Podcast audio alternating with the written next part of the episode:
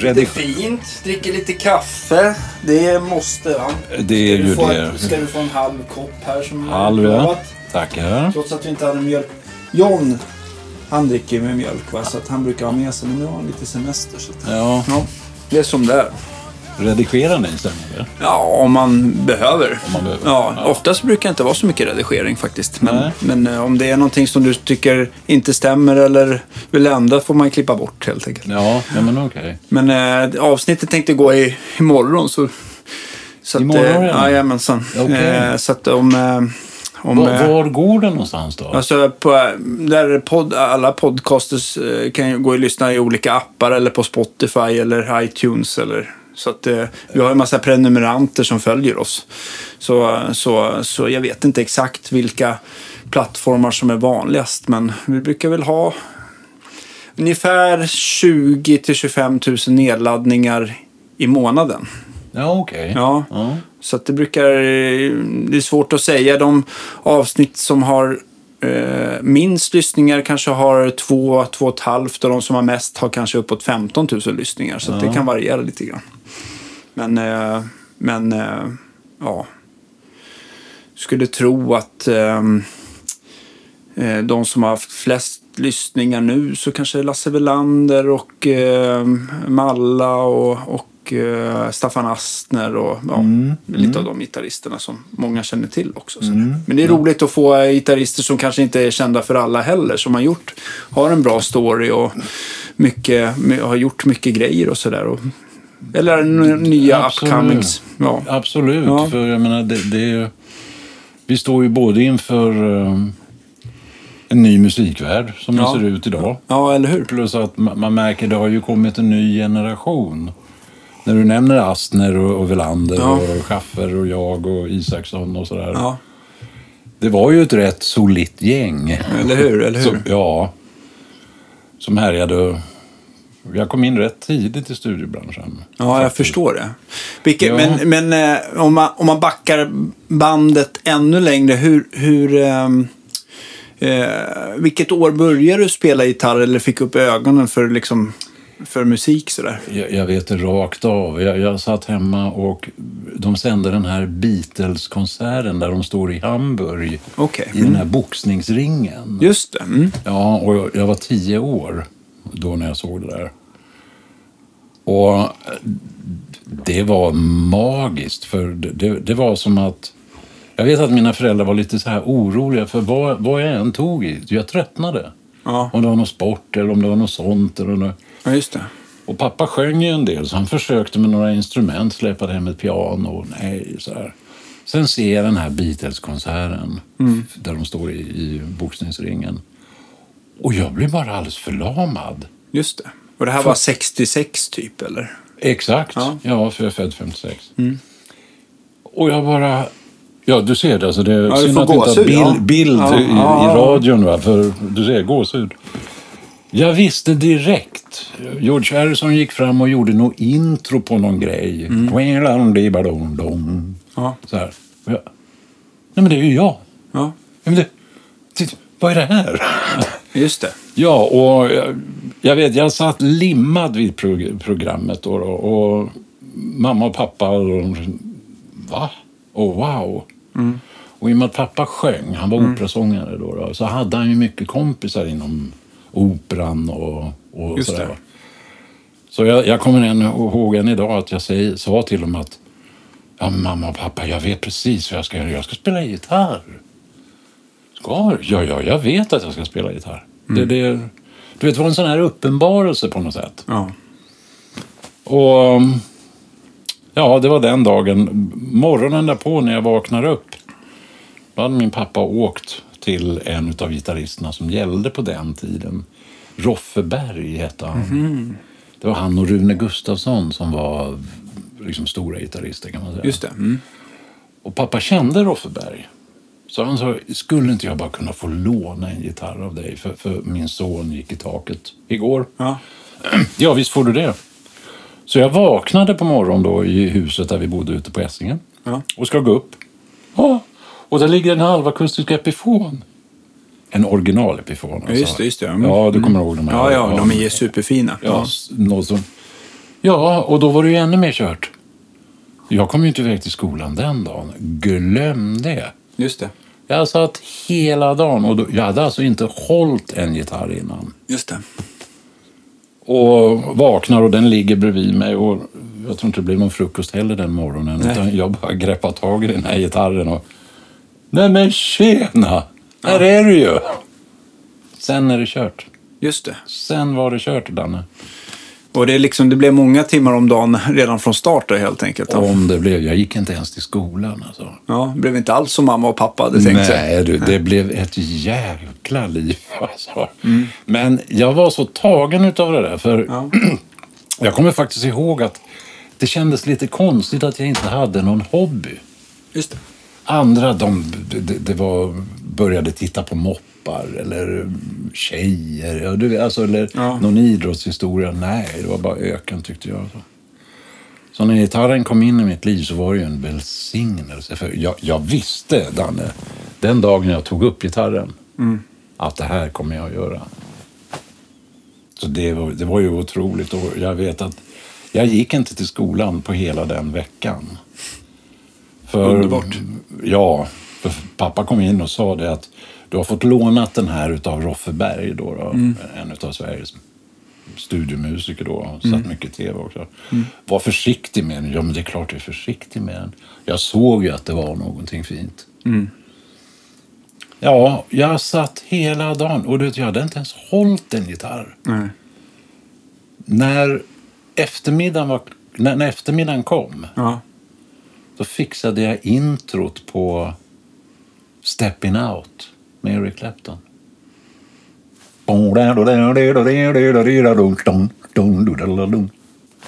Det var bra jobbat. Efter fem timmar. Ja. Och när farsan kommer hem och, och han bara tittar på mig. Men vad gör du? Titta, jag kan spela. ja.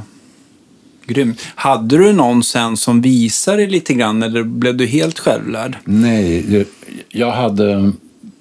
Det här var ju ett lån som man fick då. Ja. så Jag hade den där gitarren i tre, fyra dagar. Mm. Sen när helgen kom så säger mina föräldrar att Kent, nu måste vi lämna tillbaka den här. Ja. Så nu måste vi åka in till stan och köpa en gitarr åt dig. Yeah, tänkte jag. Absolut. Yeah, bingo. Åker in till någonting som heter Valle Söderlunds musik som låg på Drottninggatan. En jättefin musikaffär. För jag vet vid något tillfälle att, att när, när vi hade varit inne i stan att jag hade tittat in i den här affären. Vilket gjorde att mina föräldrar trodde att jag kanske var intresserad av musik. Ja, just det. Just det. Men mer blev det inte. Pianot var ju waste när han tog hem. Dragspelet var waste. Ja. Någonting mer. Så det blev Valle Södlund och vi kommer in och jag ser en eh, 335 en Gibson. Ja. Och det var ju dyra pengar liksom. ja, just det. Och sådär, men hur det, än, hur det än gick sig då, då så köpte de den till mig. Herregud, vilken fin present. Ja. En, en 335 från 66. Från, Eller- eller ja, jag, jag kommer inte Eller ihåg. kanske lite senare. Ja, det här är det året alltså. Ja, just det. Ja, jag var ju tio bast. Ja. Så det kan ju ha varit en 63 eller 64. Kan ju vara... Och när allt det här är klart, då hade de en kille som jobbade där som heter Ronny Gustafsson. En otroligt duktig gitarrist. Alltså. Vilket är konstigt att han, att han inte blev mer etablerad än vad han med. Han var med i Rickfors, det här Bamboo. Och några mer. Men eh, han jobbade ju inne hos Valle Söderlund då. då och, Okej. ja, och tog hand om gitarrer. Och när han lyfte ner den där och började spela på den där så var ju jag ännu mer övertygad om att det här är mitt liv.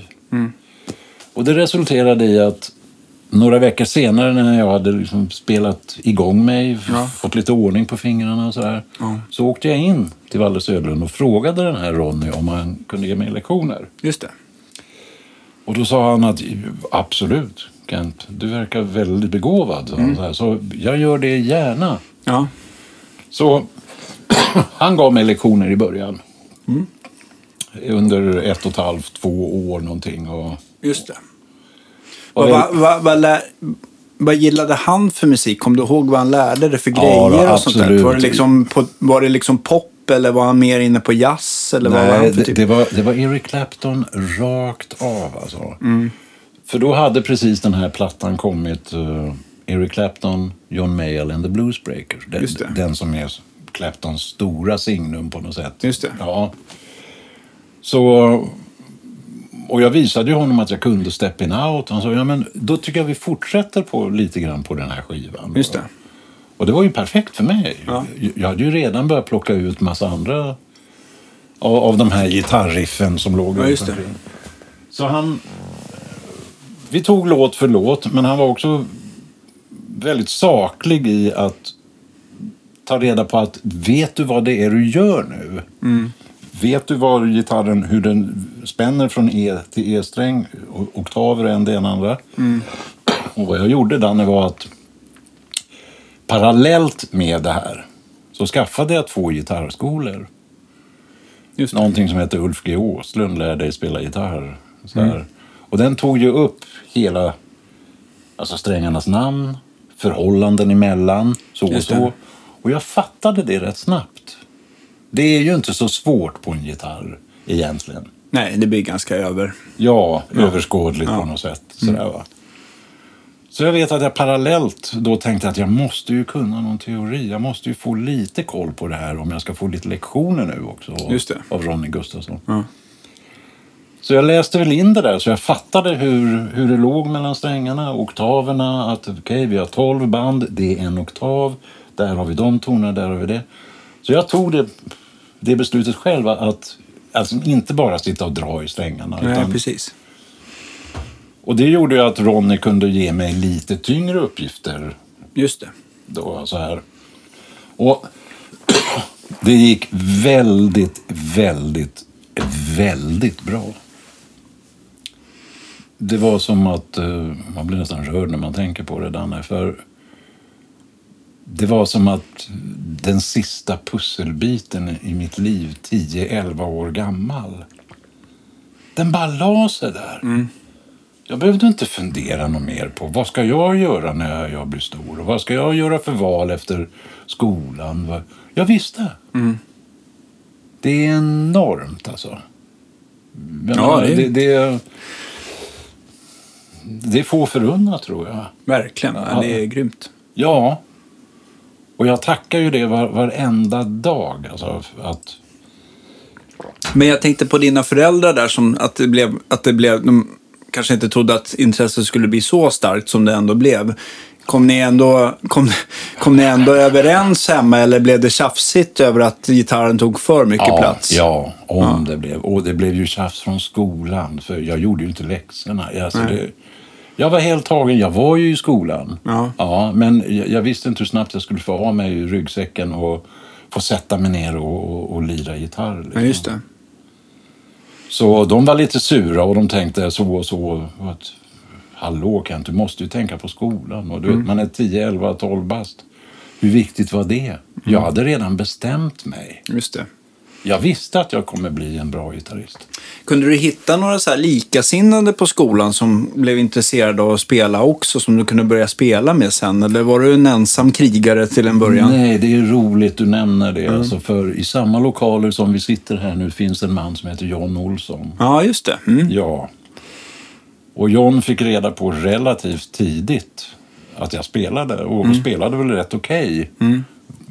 Fast jag var så pass ung. Ja, just det. Och jag tror att John hade börjat tafsa lite på elbas. Jag är inte Ja. säker, men jag tror det.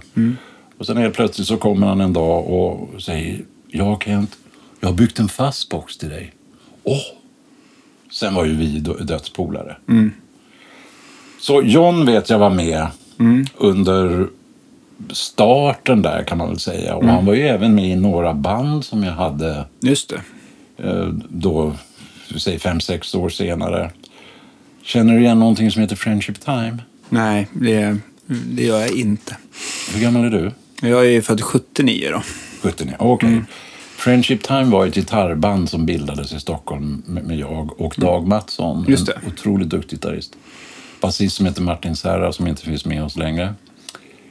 Vi fick, efter vårt första gig på Groupie på Surbrunnsgatan så har vi kontrakt med Marcus Österdahl om det här gitarrbandet. Ehm, men det, det var ju det hade ingenting med skolan att göra och det. Nej. Men vad jag tänkte nämna en rolig grej om det i skolan var att jag ville ju få ihop något band. Och det fanns ju då John, men han hade bara lätt känt in. Men vi hade en kille som hette Coffee Bentsy and Chill. Säger det dig någonting? Nej, nej. En av Sveriges absolut finaste musiker senare. Alltså det var han som hade gruppen Shine. Mm, det klingar däremot bekant. Ja, Ja. Mm. ja, och Coffee var en basist. Den är utan dess like. Alltså. Jag tror han lirade slap med tummen innan jag hade hört slap. Så han och jag, tillsammans med vår musiklärare i skolan, Gösta Nilsson, Lisa Nilssons pappa, satte ihop grejer, timme till förfogande, Lucia-avslutningar, julavslutningar Just då, det. då, som jag alltid höll i Ja. och sådär. Lärde mig att hålla i ett band och lärde mig hur man skulle börja arrangera saker så att alla ville spela men det måste ju vara någon som håller i grejerna också. ja, just det. En kapellmästare helt enkelt. Kapellmästare. Vilket man har varit många gånger. Ja, ja. Mm. Det är kul. Det är jätteroligt, Danne. Det är det absolut. Och nu när man nästan blir lite nostalgisk och tittar tillbaka, jag har ändå blivit 65. Och har levt hela mitt liv på att spela gitarr. Det, det är otroligt alltså. Men jag tänkte efter så här grundskolan eh, och, och kanske även högstadiet och sådär så fanns det väl liksom, då på 60-talet fanns väl liksom ingen musikinriktning på det sättet? Eller hur? hur Nej, det, det är inte om vi ser till det utbud som finns idag eller som Nej, har precis. många år. Med Rytmus och Södra Latin och fanns allt. ingenting sånt. Alltså. Nej. Det fanns en förgymnasial skola till Akis. Mm. Som hette Statens normal eller snedstreck Borgarskolan. Mm. Så när jag hade gått ur nian, men grejen var jag hade redan då, alltså, jag tror jag var 14 år, då, då mina första studiejobb kom in. Okej. Mm. Ja, ja magiskt. Alltså. Jag råkade spela på en sak för polisens dag på Sergels torg med mitt band. Då. Vi är 12, jag är 12 år nu, Just det. 13. Då hör alltså Marcus Österdahl och några till att men vad är det för yngling som lirar gitarr?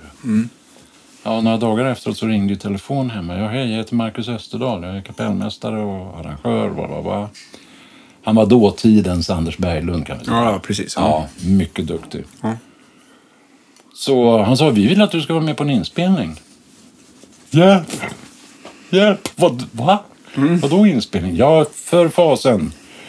Jag har min studio i Solna, den heter Marcus Music. Det är den som är Soundtrade sen. Mm, just det. Mm. Så 14 år gammal åker jag dit. Morsan körde mig. Jag- kommer Väldigt fina lokaler faktiskt. Jag var ju Ja. där, jag var där tidigare år. Eller om det var slutet på förra hjälpte band och fixade deras gitarrer mellan låtarna där. Mm. Ja, Men det är var väldigt, coolt. det är väldigt charmiga lokaler faktiskt. Ja, men de är underbara. Alltså. De, de är underbara. Och tänk själv, Dan, är 14 år. Jag hade ju liksom kommit igång och, och, och sådär och börjat lira. Och där, Ja. Det snackades lite grann om den där kronan. Jävlar vad han spelar liksom. Och det var väl också en liten dröm någonstans att för att komma vidare, då hade man ju sett mycket om Janne Schaffer. att Han spelar på massor med skivor, han gör så och så. Och Jag tänkte studiomusiker, det, ja, men det måste ju vara magiskt. Dels för jag spelar gitarr hela dagarna. Jag får titta in i olika musikstilar. Ibland så kanske det är det, nästa dag kanske det är det, nästa dag är det det. Det kändes väldigt attraktivt då. Och som sagt, jag var 14 år när första studiojobben gjordes. Och det Kommer var du ihåg vad det var för någonting? Ja, det gör jag faktiskt. Ja. Det var Jan Sparring och Anna-Lena Lövgren. Mm. Jan Sparring var väldigt stor inom den kristna musiken. Okej. Ja, Anna-Lena Lövgren, Sånt i livet. Just det. Det var hennes Mm. jättehit till exempel. De gjorde två julskivor som jag spelade på båda två. Mm. Sen fanns det ett band, ett dansband egentligen, men de var egentligen mycket, mycket, mycket bättre, som hette Tore Kalmars. Som hade hört de här, någon av de här inspelningarna Mm. med, med Jan Sparring. Och frågade, vem är det som spelar gitarr? Han heter Kent Kron. De ska jag ha. Så. Ja, så någon månad senare så satt jag där igen. Och gjorde en platta med Tore Kalmar. Någon vecka efter det Sylvia Vrethammar. Sen rullade det igång. Helt Kul. otroligt. Var, var det mycket också i den studion som du satt Ja, mestadels? ja. Eller, jag tänkte också som man har pratat mycket med Astner och, och Schaffer så var det ju väldigt mycket olika studier. Eller Det var det ju, men, men i och med att Mackan Englund eller någonting. Att Ja. det var liksom överallt. Va? Så att det, det, det, sen blev det ju det. Ja. Men i och med att, jag menar, tänk jag var bara 14 bast. ja, det. Och, och det måste ju ha varit en chansning från Marcus Österdahl och de här människorna att ta in en sån grön lirare. Men då hade du, hade du, tog, lärde du låtarna snabbt på gehör eller hade du lärt dig läsa noter och teori Nej, jag, bra? kun, jag kunde inte noter, men, men jag hade bra koll på ackord. Ja.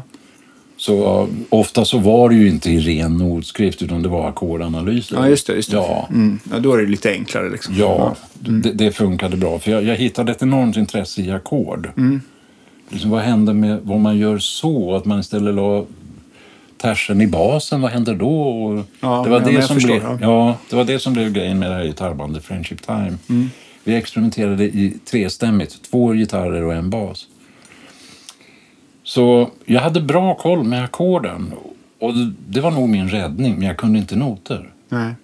Inte då, inte 14-15 bast. Nej, jag förstår. Jag tänkte att det var väldigt tidigt att kunna det flytande så att säga. Nej, inte alls. Och jag, tänk, jag vet naivt, jag tänker, äh, jag behöver inga noter, jag kan ju höra. Jag hade ett grymt bra gehör. Jag kunde höra en melodi en gång och, och liksom, ah, okej, då satt den på något sätt. Ja.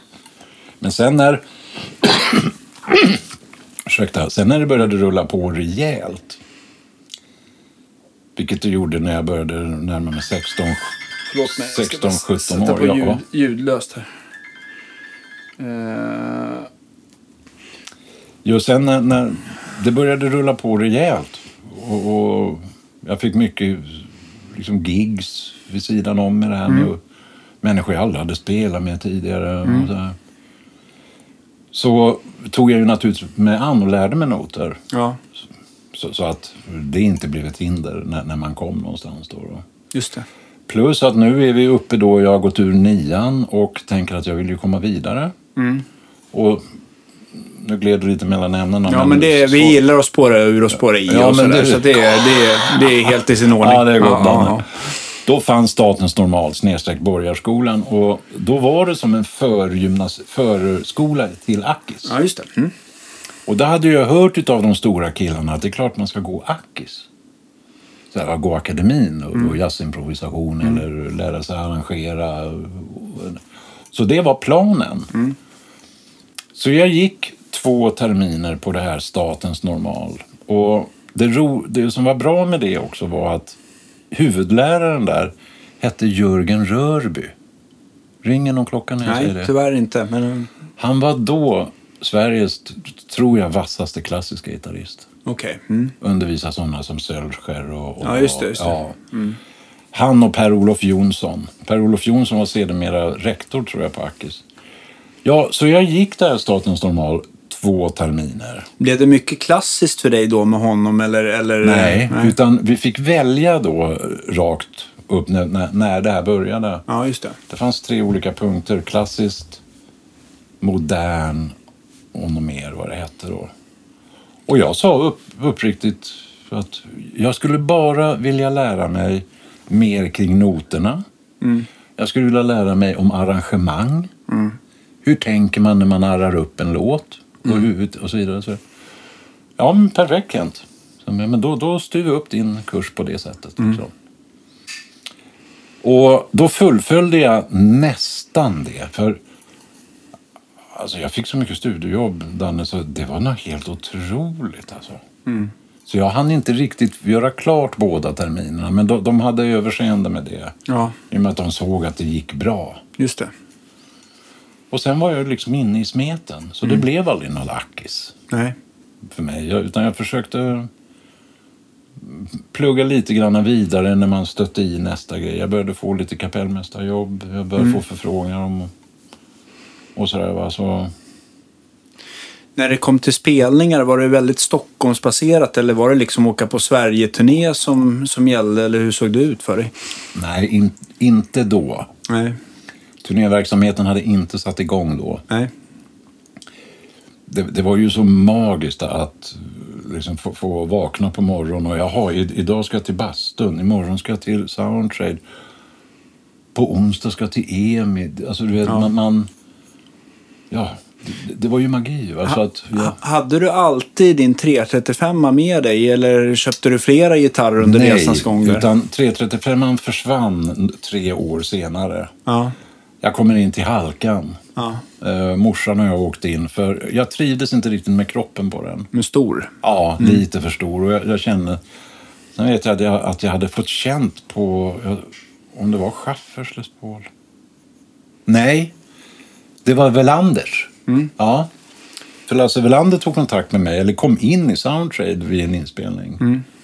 Och, och skulle göra någonting. Och då hade han med sig sin gitarr. Och, och, så här, och jag undrade, vad är det där? Får jag se?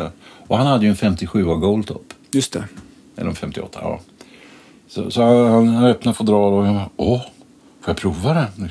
Ja, visst får du. Mm. Och jag blev ju dödsförälskad. Alltså. Så samma kommande lördag, det här var i mitten av veckan, så tar morsan och jag min 335 och så åker vi in till Halkan. Då låg han på Grimstugatan där på Söder, första butiken. Just det. Åkte in och jag hinner bara komma in i butiken och så ser jag. Då hänger en 57 Goldtop. Då var det ju en annan grej. Du vet vad de är värda idag. Det är Mm. Ja, larv- ja, ja, absolut. det är så larvigt. Men då var det en prislapp på två, 2900. Mm. Och det var ju rätt mycket pengar ändå på den Just det. tiden. Men inte i paritet vad den är värd idag. Nej, liksom. idag får, om den är en fin 57 så är det väl kring miljonen i alla fall. Ja, mer Danne. Alltså, jag, jag, jag följer ett forum i staterna. Alltså, det är ju otroligt. Du får inte en Sunburst under fem miljoner idag. Mm, du ser alltså. Alltså fem miljoner? Ja. Det är bara panta burkar och vara glad. Ja. Nej, men, ja, men, i alla fall. Men, den, men då bytte du in 335 Bytte in 335 och jag, jag vet, jag såg den där är det mamma. Liksom. Där är, den där är det. Ja. Och Halkan, jättetrevlig och har ju sponsrat mig i många år. Ja. Liksom så här, och varit med. Den där ska du ha, sa han. Det här är en riktig 57 av Goldtop med originalmickar och allting. Och jag kände ju direkt, Mm. det här är gitarren. Så det var din huvudgitarr i princip? Är fortfarande. Ja. Du ser. Ja. Ja, jag har inte kvar den nu. Jag har en, Ja. en, en annan custom shop Les Paul. ja. Så Les Paul har jag spelat på Men det är hela ju ty- livet. det är också så här, en 57 den blir ju för värdefull till slut så att man vågar inte ta med sig den. Nej. Kan jag tänka mig. Sådär. Och Schaffer hade väl, han har väl kvar sin, sin burst och... Ja, det har han faktiskt. Han är väl den enda av oss som har kvar sin Burst. Ja, ja, sin gamla liksom. Sin gamla, ja. Jag hade en 58, Danne, i många, många, många år. Ja. Som jag fick köpa av en finsk gitarrist. Eh, Jag kommer inte ihåg årtalet då. då. Men det, det stod till och med i tidningen om den där. För han visste att den var värdefull. Men de åren tog han, han tog 16 000 för den. Ja. Men det var en Sunburst 58 Ja. med två vita paffmickar. ja. Så det, min, det, det var min huvudgitarr sen i mängder med år. Alltså. Och jag hade kvar Goldtoppen också. Men tyckte du att 58 eh, Alltså, jag vet ju, jag jobbar ju med gitarrer så jag vet att det är skillnad från två relativt snarlika gitarrer. Men eh, vilken skillnad upplevde du på de två? Rent ljudmässigt eller spelmässigt? Så här i efterhand så... Den här 57 jag är jätteledsen att jag sålde den. För det var alltså 57 Goldtop med stora handbackar. Mm, just det. Mm. och Istället för naturligtvis- P90 liksom. Ja. Ja. Och det var ett, en ton i den som var magisk. Jag hör ju på några av de här skivorna som jag använde den på. Mm, Att den hade det här, det hade även min Sunburst 58. Men du vet när du slår an med plektrumet, Mm. ja, så det är som att det, Ja. det, en- det blir någon attack i, i gamla paffmickar. ja, Som, som är det outstanding med dem ju. just det. Och 57an Goldtop, det, det var makalöst. Det var alltså... Ja, det svängde bara du dum, Ja, knäppte till strängen. ja just det. 58 hade en lite annan feeling. Mm. Och det var ju paffmickar på den med. Även om de var olika, de olika paffarna. Mm. Så den, den sjöng inte på samma sätt som 57an.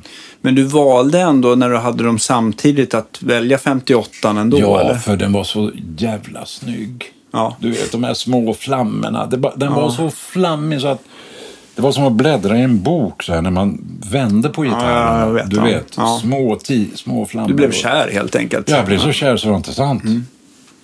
Oj, oj, oj. Det, det, och jag vet första gången jag såg en sunburst, en riktig Mm. burst. Du vet, där det inte är så hårt schatterat utan att det går lite mjukt från det mörka in i. Alltså, Ja. Mm. De är ju så vackra så att man...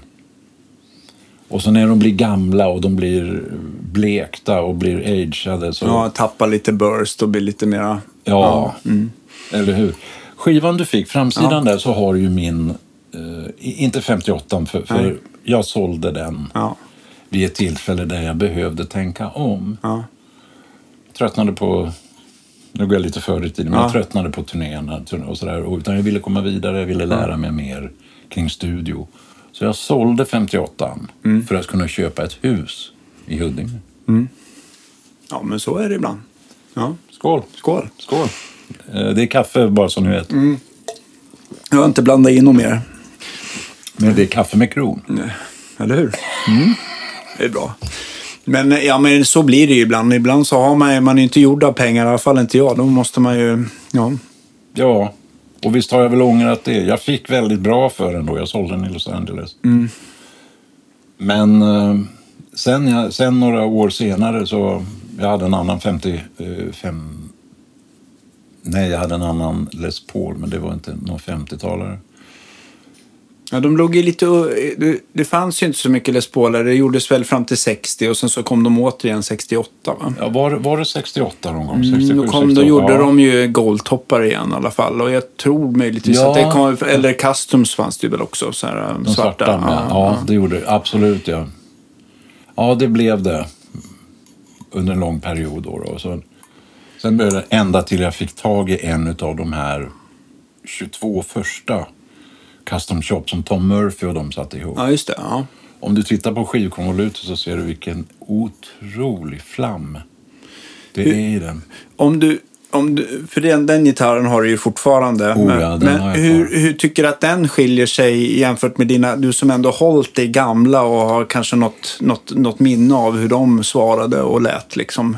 Är, Ja. det, är det väldigt likt eller är det ändå, är det något Ja, annat? alltså det har ju kommit, tycker jag, lite för, för många serier utav de här custom shop-historierna. Ja, jo. Ma- Man blir ju, man kör ju vilse. Ja, jo. Men i och med de, de första, de gjorde ju något, något, något test med, med den här Tom Murphy och en kille till. Alex någonting heter han. Då de gjorde de här 22 första custom shop sunburstarna. Ja, just det. Och de gjordes tydligen, eh, den här fick jag tag i genom Klabbe. Aha, Klabbe av Geijerstam. Ja, ja, för. Klabbe Ja, har Mm. sålt Gibson. Han har ju gjort det vid flera tillfällen och han har importerat själv och grejer. Jo, men han, är, ju- han gillar ju fina gitarrer. Så att jag, Ja. ja, ja, allt gjort. Och då ringer han mig. Vet du. Mm. Han visste att jag var på gång och ute efter någonting och ringer mig. Då hade han och Skifs varit övertygade, jag tror det var det, han och Björn Skifs. Och skulle göra någonting och han tog kontakt med Gibson. Och de nobbade honom, han fick inte köpa den. För de hade menat på att de här ska stanna i Staterna. Just det. Men av någon anledning så fick han köpa den då. då. Och ringer mig när han kom hem. Och sa, Kent jag har någonting du måste se. Så jag vet att vi träffades på Deluxe Musik Ja. En, dag då. Det är uppe när det låg på Fleminggatan, eller? Ja, med Peter Roth och killarna. Du. Ja, just det. Ja. Och jag kommer in och där står Klabbe och jag så, ser Peter Roth och så såg jag... Då, men då, är, då jobbade jag även där. För Peter och jag, Ja. vi började, jag började 2005 på Deluxe. Det låg på Fleminggatan fortfarande. Och sen så någon månad efter tror jag Peter började. Ja men okej, Ja. men kommer, kommer du inte ihåg den här då? Alltså det är så... var- Ja, alltså jo, men det, här, det är många... det är många vänder med, med eh, många gitarrer så att Ja, jag kommer inte okej. ihåg just den. Men, men, eh, men eh, Nej, för jag vet att när jag kommer in då, vi bestämde att vi Ja. träffas där. Ja. Då står både Klabbe och Peter Roth och sen Kjelle Löbom. Ja, just det. Mm, ja. Key Marcello. Ja. Jag ser hur tre, och så var det någon kille, fyra killar står och dreglar ja. Vid ett lifton case. Ja. Mm. Och jag tänker det måste vara den gitarren. Ja, så jag säger hej guys, tjena, Kron här. Mm. Åh men tjena kan jag säga. Och så går jag fram och tittar och bara, vad är det här? Mm. De la ju ner extra skäl med att få det så identiskt så det, som det bara går. Mm. Och som svar på din fråga, kära Danne, så de här 57an, 58an. Jag vet, du vet att jag jobbar över 20 år med Jan Ackerman. Han hade en 59 eh, Black Beauty. De kommer aldrig i närheten av de gitarrerna igen. Och det måste ha någonting med åren som har gått. Det, det har varit gitarr i 50 år. Dels det och sen så tror jag att de hade väl en annan, en annat det man märker mycket med nytillverkade gitarrer att de kanske inte har det här trälagret av gammalt torkat virke. Precis. Och kanske också rätt virke för att det var ju Ja, det blev liksom problem med, med att handla med Brazilian Rosewood och Ja. Mm. Honduras Mahogny och ja, det är Ja, ju många bäckar små som gör skillnader sådär. Ja, och nu här om man följer lite grann... eh, Joe Bonamassa håller ju på att ta världsrekord i vem som ska ha flest bursts. Ja, jo, jo, han verkar, han verkar leda. Ja, jag tror han har nio stycken eller någonting. Och eh, jag vet ju vad han snackar om. För, för när man har haft sådana gitarrer själv och vet att... För alltså, de svarade ju på tal vad du än gjorde. Det fanns inga döda punkter. Vilket det gör. Tar du en ny Les Paul idag till exempel. Ja, visst. De känns cool. Men det blir aldrig det där. Och, och det är ju många teorier Jo. kring hur och, och varför. Var rätt intressant här. Hörde du om den här äh, smutsiga Les Paulen som hade stått i London i en garderob i 40 år? Nej, det har jag missat. Det var uppe bara för någon vecka sedan på Youtube. Och det var en tant som hittade den och, och mindes då att hennes brorson hade köpt den här gitarren för 50 pund i någon pantaffär i England. Men det blev ingenting mer utav den. Alltså han spelade inte, utan den blev stående i en garderob i 40 år. Sen när tanten gör en, en, en genomgång av huset, att nu måste vi ta och renovera upp lite grann här. Ja, men vad är det för skräp som står här då, tänker hon. Jaha, Gibson, ja. Så hon tar med sig den här gitarren ner till London och går in på number one där i London. Och killar, vad tror ni den här är värd? De rasar ju ihop, naturligtvis. En 58 med två vita paffar. Det var bara det, den har ju stått i sitt case i 40 år. Så den var ju död. Just det. Den, var ju inte, alltså den hade ju inte, träet hade ju inte jobbat på 40 år. Så de, de säger ju till tanten att den här gitarren är värd flera miljoner, snälla du. Och hon hade tydligen svimmat. Hon trodde jag kanske får 400-500 pund. Eller någonting. Hon fick 2,9 miljoner för den här gitarren. Just det. Ehm, sen då, lite mer i alla fall. Mm. Jag tror hon var nöjd. Alltså. Ja, ja. Hon kunde ta sig en extra bakelse på vägen hem. Ja, jo, precis. Påtår. Absolut. Och i alla fall när Bonamassa får tag i den här så gör de ett reportage. För den var så skitig, vet du. Det var ju lager av damm och svett och, och grejer på den. Skruvarna på bobinerna i mickarna, det var lager med rost. När de försökte ta en ton så... Dom. Den var helt död. Så jag menar, hemligheten vid gamla instrument det är ju samma om du tar gamla jazz Gibson-gitarrer eller här. varför, varför låter de bättre? Det måste ju ha någonting med att göra med att de har levt som gitarr så pass länge och, och Spelats på liksom. spelats på. Ja. För står en gitarr för länge, det vet du vet ju. Det, Jo, blir jag vet ju själv. Man, man ibland så, om man har flera gitarrer och en inte används på ett tag så om man plockar upp den så bara shit. Det, men sen så brukar de liksom vakna till liv de, efter de, lite... de gör det. Efter, De gör det. Och, och jag menar, trä, det är levande material. Men efter den här, eh, alltså den här dokumentären de gjorde om den här gitarren, fick de, jag antar att de fick lite liv i den till slut, eller? Det fick de. Ja. Ja. Absolut. Enda tråkiga med den var att det var påsatt ett Bigsby efterhand. Då. Men, men eh, Bonamassa ska tydligen ha gjort ordning det där av den här killen i Nashville som Restaurerar snyggt och sådär. ja, Mm. jättestor gitarrdealer. Jag har glömt hans namn nu. Ja. De, de hjälper ju Bonamassa med. Så de har fått ordning på det, men han, han, han sa det, eller skapligt sa han. Det, den kräver, it takes a lot of love, sa han, Mm, för att spela på den. Och jag vet själv för många herran, herrans år sedan, så vår svenska jazzguru, gitarrist, Rune Gustafsson, som tyvärr inte finns med oss längre. Eh, vi gjorde en spelning tillsammans och det slutade med att jag hamnade hemma i hans eh, familjkök på te, te och kaffe, te och rostat bröd. Bodde i Hökaräng. Och så säger Rune till mig, när jag frågade honom, vad, kom, vad kommer det sig att du bara spelar på Ibanez Les Paul? Mm. Då gjorde han så här, spons. Han fick ju betalt för det. Just det. Men har du andra gitarrer? Så här, ja, vänta ska du få se någonting. Då plockade han fram en 54 Goldtop med Just det. P90 och cykelstall. Ja, just det. Du kommer ihåg de 40 54? Ja. Ja, egentligen så, om man ska vara riktigt Peter, tänker du att det var wraparound bara eller var det sånt där det liksom gick som en trapets ner över Trapets kanten? ner, Då, då tror jag till och med att det kan vara 52.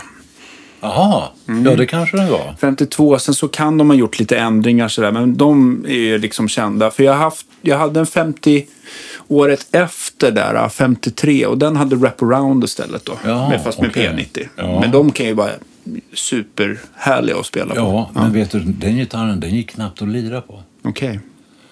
Han hade köpt den och, och nu hade han ju sin deal med Ibanez att han skulle spela på dem då. Så den hade ju bara blivit liggande. Ja, just det. Den var helt död i tonen alltså. Mm.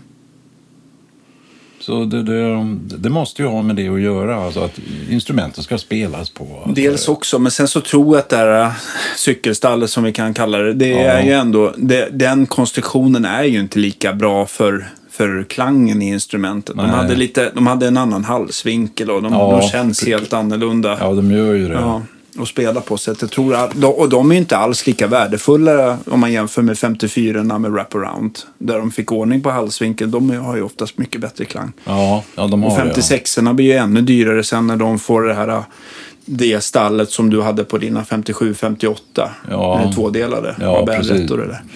Och sen så blir det ju dyrare för att alla Goldtop såg ju likadana ut i princip. Men flammorna kom så kunde det ju variera så mycket så de har Mm. ju också blivit Ja, de har ju trissats upp ännu mer då. Ja. Eftersom det blir mer individer och sådär.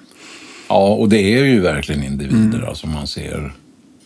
Verkligen. Ja, och ja, det, jag tycker det är otroligt vad herr Gibson eh, lyckades med. Alltså att han var... Han var tydligen väldigt sträng och väldigt hård. Mm. Allting. Och han visste precis vad det var han ville ha ut och krävde ju enorma grejer har jag hört. Ja. Men det var mycket McCarthy som hjälpte till att forma de där gitarrerna också. Mm. Ja. Som var väldigt duktig. Som, Men det, är- visst är det väl häftigt då, när man tänker efter så här så stora som, som Gibson egentligen är. Mm.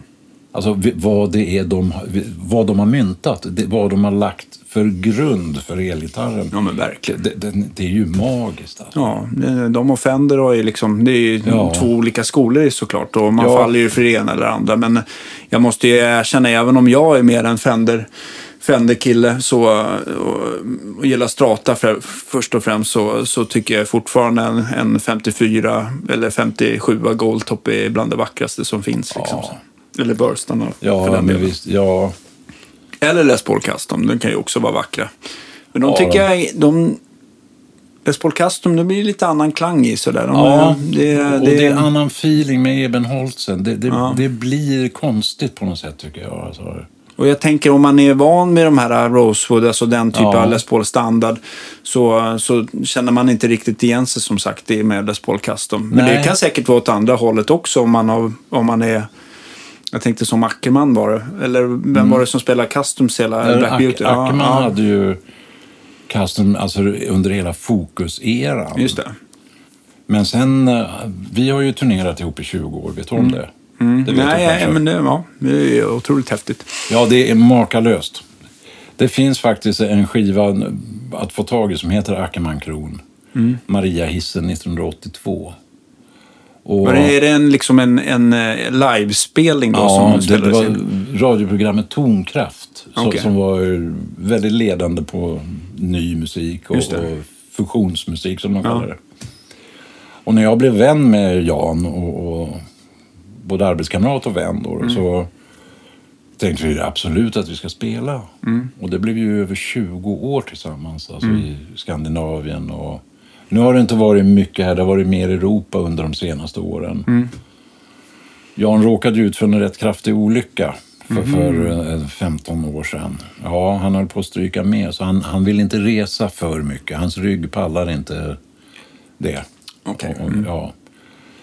Men eh, då vet jag under de första åren, 82, 83, 84, som var hela Skandinavien. Mm. Då hade jag min Sunburst och han hade sin Black Beauty. Just det. Då hade han en, jag tror, men det vet du bättre. Är det 56orna där, där det är en P90 diskant och stavmick i basplatsen? Mm, Jag tror att det är egentligen så fram, alltså fem... Jag kommer inte ihåg exakt, men jag har för mig att Customen eller Black Beautyn då, eller Fretless Wonder, de har ju många fina ja, namn. precis. De såg ut så mellan 54 och 56. Sen så kom de ju med paffar också. Just det, Mm. precis.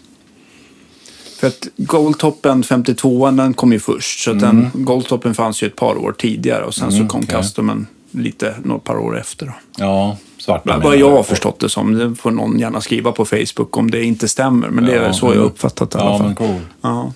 Men de är ju häftiga. Ja, och, och roligt här nu när vi nämner om Ackerman. Han fyllde ju 75 år Mm.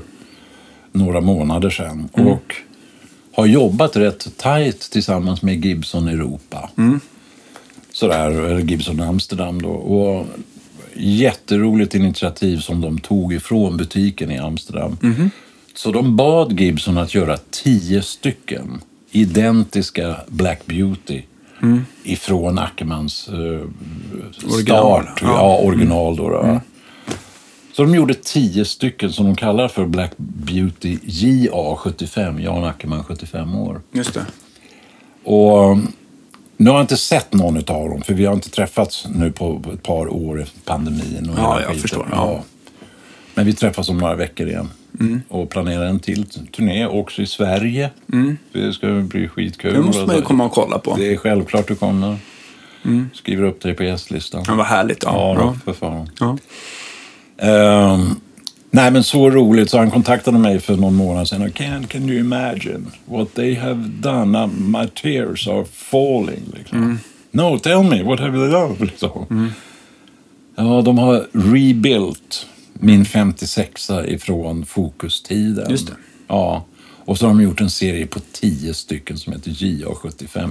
Han var så stolt alltså. Ja, men det fattar jag. Ja, Det är, men det, underbart. stort. Ja. Ja, stort för en stor gitarrist alltså. Mm, Jag har Ackerman att tacka massor för alltså. Just det. Hur, om man backar bandet lite tillbaka som vi var med studiotiden och sånt där också. Eh, när det började ta fart ordentligt. Blev det så att många av de artisterna sen när du blev lite äldre att du också även åkte turné med? Eller, blev du liksom eller var du alltid fast i själva studiomiljön? Nej, alltså. Jag, jag började ju känna efter ett tiotal år att visst, fantastiskt att få sitta på så mycket studiojobb. Fantastiskt att få jobba med så många olika artister. Och, och en, men att det vore ju kul också att spela ute mer. För det- jag lirade ute med under de åren, det var ju mina egna band. Mm, just det. Där Friendship Time och, och lite gitarrhistorier jag hade med olika folk. Men sen började jag åka med. Vi man hade gjort en produktion med, vem ska vi ta, Eva Dahlgren eller Leila K. Ja, så satt man och spelade på hela plattan. Så frågade de ju ofta. Då, för, då var det ju nästan ett signum att du gjorde en platta, sen var det en turné.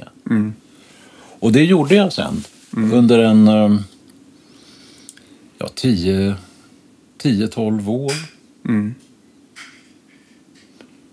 Som eh, naturligtvis jätteroligt, men jag kanske tycker fortfarande eh, samma sak. Jag har ju turnerat mängder med år. Alltså. Och det är inte så produktivt då, om vi ska vara ärliga. Nej. Jag menar, du lirar en, en och en halv timme på kvällen och så sitter du i en turnébuss i fyra timmar. Och så har du nya hotellrum och så har du det. Alltså jag har alltid varit... Du passar bättre, trivdes bättre i studion helt enkelt. Ja, för jag menar, dels spelade man mer. Och, och det var omständigheter vilket gjorde, vi säger att man satt på bastun en dag, ja, man kom hem på kvällen till sin tjej, käkade en middag. Ja, sen ville man ju kanske spela, kolla in något nytt där. va. Och det gick ju inte om man låg på turné. Just det. Då, då var man ju signum fast i det man gjorde. Plus att jag tyckte att det var alldeles för mycket festande. För vi, vi båda två vet ju det, att det, det går inte att hålla på och festa och ta droger och, om du ska bli någonting. Nej, det brukar ju vara, det brukar vara en, en spiral neråt. Det är en spiral neråt. Så eh, jag är jätteglad för alla stora turnéer och allt sånt där. Men bland de sista åren då var det bara Ackerman jag turnerade med. För Men- det, men- det, det sliter också rätt hårt att ligga på turné. Ja, jo, jo, tack. Ja, du vet. Eh, jag tänkte på, men eh, om man också tittar på annat än gitarrerna, hade du några så favoritstärkare som du alltid släpar på mellan studiorna eller, hade du, eller tog du det som fanns? Nej. Innan jag hittade Mesa Boogie. Jag kommer inte ihåg när Mesa-förstärkarna kom. Är det början av 80? Ja, det måste alltså det är 80-tal i alla fall, men Ja, det- jag det- vet inte exakt år. Sådär. Ja, okej. Jag hade två stycken gamla Fender Super Reverb Blackface. Två riktigt gamla alltså. Bla- Or- ja, just det. Originalare, alltså ja. Med, med rätta rören och allting. Och där vet jag vår kära granne här, John Olsson, hjälpte mig att att hålla koll på dem. Just det. Han byggde till och med en, en speciell distbox i och med att det fanns inte mastervolymer på den tiden. Just det. Du var, du var tvungen att ha en distbox. Och John byggde en, en, eh, en kopia av någonting som blev bättre än originalet. Just det. Som jag hade då. Så jag hade två Super Reverb. Oftast med mig. Och sen hade jag alltid ett TC Electronic Chorus. Det första som kom. Det som folk skriker efter idag. Mm, just det. Du vet vilket jag menar? Ja, Det absolut. lilla, ja. Den lilla svarta. Mm. Ja, och, och med de mickarna, paffmickar, så var det ju bara att hitta rätt volym. Så hade du soundet där. Och resten sitter ju i fingerspetsarna. Det lät ju som en eh, underbar kombo. Eh, Och lite trivselreverb på det där. Ja. Trivselreverb. Ja, man brukar kalla det med Fender. De brukar ju bli, till skillnad från Marshall så brukar man ju gärna gilla att ha på lite, lite, lite lätt reverb på, på Blackface-stärkarna. Ja, och superreverberna lät ju så bra alltså. De här Jensen 10-tummarna. Ja, just det. Mm. Så, och sen gjorde jag ju så. Ibland fick jag väl skäll att jag spelade lite för högt, men jag, jag Jag, kan pressade. tänka, jag kan tänka mig det om du hade två stycken sådana. Ja, bredvid. ja, jag ville ha stereo. Ja. Jag har alltid kört stereo. Jag tycker det är så jävla häftigt. Alltså, och, ja, det blir stort sound. Ja, det blir ju det. Och, Men hade det här TC-koruset, det hade väl stereo ut va? Så att man Ja. kunde, ja. Precis. Och, och en, någon form av simulerad. Men ställde man raten på, på koruset väldigt, väldigt lågt och vidden väldigt lågt så hörde du inte den här åttan som du gör när du tar ett korus idag. Ja, just det. Mm. Nästan som en torktumlare. Ja, just det. Mm. Om du tar väldigt lite vidd och väldigt lite speed, hastighet, så blir det bara en, en, en, en kortare rörelse utav det. Vilket det räckte för mig. Det, det var grymt. Och jag menar, paffmickarna och Super Reverben i sig själv, de, de, de jobbade ju så pass bra ihop. Just det. Så um, då körde jag många, många, många år med Super Reverb. Två Super Reverb, TC-koruset och så Les Paul. Just det. Men var det alltid, alltid Les Pauler som, Ja. som, som har gällt? Det har liksom aldrig varit någon Fender, inga SGs, Har, inga... Jo då, jag har haft både till schyssta strator och jag har en jättefin strata kvar idag så, som jag ofta använder för komp, Mm. kompålägg och sånt där. Just. Eh, och naturligtvis, man, man... Vi är ju som vi är. Ja. Gitarrer betyder mycket för oss. Och, Ja. och, visst har, jag har haft flera fina SG. Jag hade en sån här vit eh, SG som heter Les Paul Model. Just det. Du vet vilken den var? Ja, den med tre mickar då, eller? Ja, med Jaha. tre mickar. Och de var nice att sitta och spela med, men inte att stå och spela med, för det är en sån konstig vikt i dem. Ja, så halsen känns väldigt lång, Ja, långt till precis. vänster. Och Det, så det, det känns som den dippar. Ja. Medan en Les Paul, den bara lägger sig där. Mm. Tack, nu sitter den. Så visst har man haft det, men jag har alltid rasat tillbaka till Les Paul. Mm. Alltid, alltid alltså. Sen Har, man- har, det, har det alltid varit handbackers eller har det ramlat på någon P90 under vägen?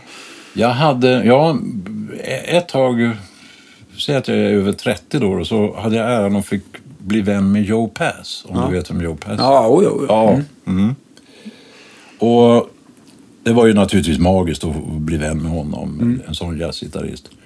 Så han hade, vet jag, första året vi träffades en eh, ES 175 Ja, det var en 55 tror jag med P90 på. Ja. Just det. Och det var första gången jag kom, kom i kontakt med en sån här jazzburk. Och, och det var ju magiskt. Liksom bara, wow! Så det dröjde inte länge innan jag var ute och köpte mig en ES 175 Också på halkan kanske? På Halkan. Jajamän. Jajamän. Men var det då, var det liksom bara halkan som höll på med vintage eller gamla gitarrer begagnade och de andra sålde mera liksom nytt? Eller hur såg det ut? Ja, jag vågar inte svara på det, Danne, men jag, jag tror att Janne var rätt ensam om det. Alltså. Just det. Åtminstone det, det vi såg på utsidan, alltså med Halkans Rockhouse och, och sådär. Det fanns, no, fanns någonting som hette Pop Music Corner. Kommer du ihåg det? Nej, det är lite före när jag, innan jag... Jag började hänga på musikaffärer alltså från senare halvan av 90-talet och då undrar jag om det fanns, tror jag inte att det fanns kvar. Va? Nej, det, det fanns, det, det, konkade nog. Så alltså, där var det ett par, en, en jänkare som kom över och så var det två svenska killar. Som försökte med en del vintagegitarrer och sådär. Ja. Men annars tror jag nog Halkan var relativt ensam om det. Det. Alltså. Men det var det nog inte så länge. Du vet, sen, sen, sen, kommer ju, sen kom det ju många. Ja, oh ja, på 90-talet så kom ju alla vintage guitars och sen senare twang. Alltså nu Ja, pratar vi bara he- Stockholm såklart och det fanns ju såklart många bra eller sådana vintage-intresserade i, i, eh, i övriga delar av landet såklart. såklart. Men Ja. ja, jag kan ju bara relatera det till det som, som jag har sett själv. Liksom. Ja. Nej, det, det var ju det. Och Halkan har alltid varit... Han har varit så schysst. Alltså, Han har ju lite grann sponsat mig. Jag var ju så ung när, när det började rulla igång. Och, så där, och han... eh, Fy fan Kron, absolut. Fy fan du är bra. Alltså, lira på och så. Bra, bra. Ja. så han, har varit ett stort stöd. Ja, Plus att jag alltid har hittat fina gitarrer där. Just det. Ja, man är duktig på att nosa upp dem där. Ja, Och har. Mm. ja, och det är en rolig människa. Verkligen.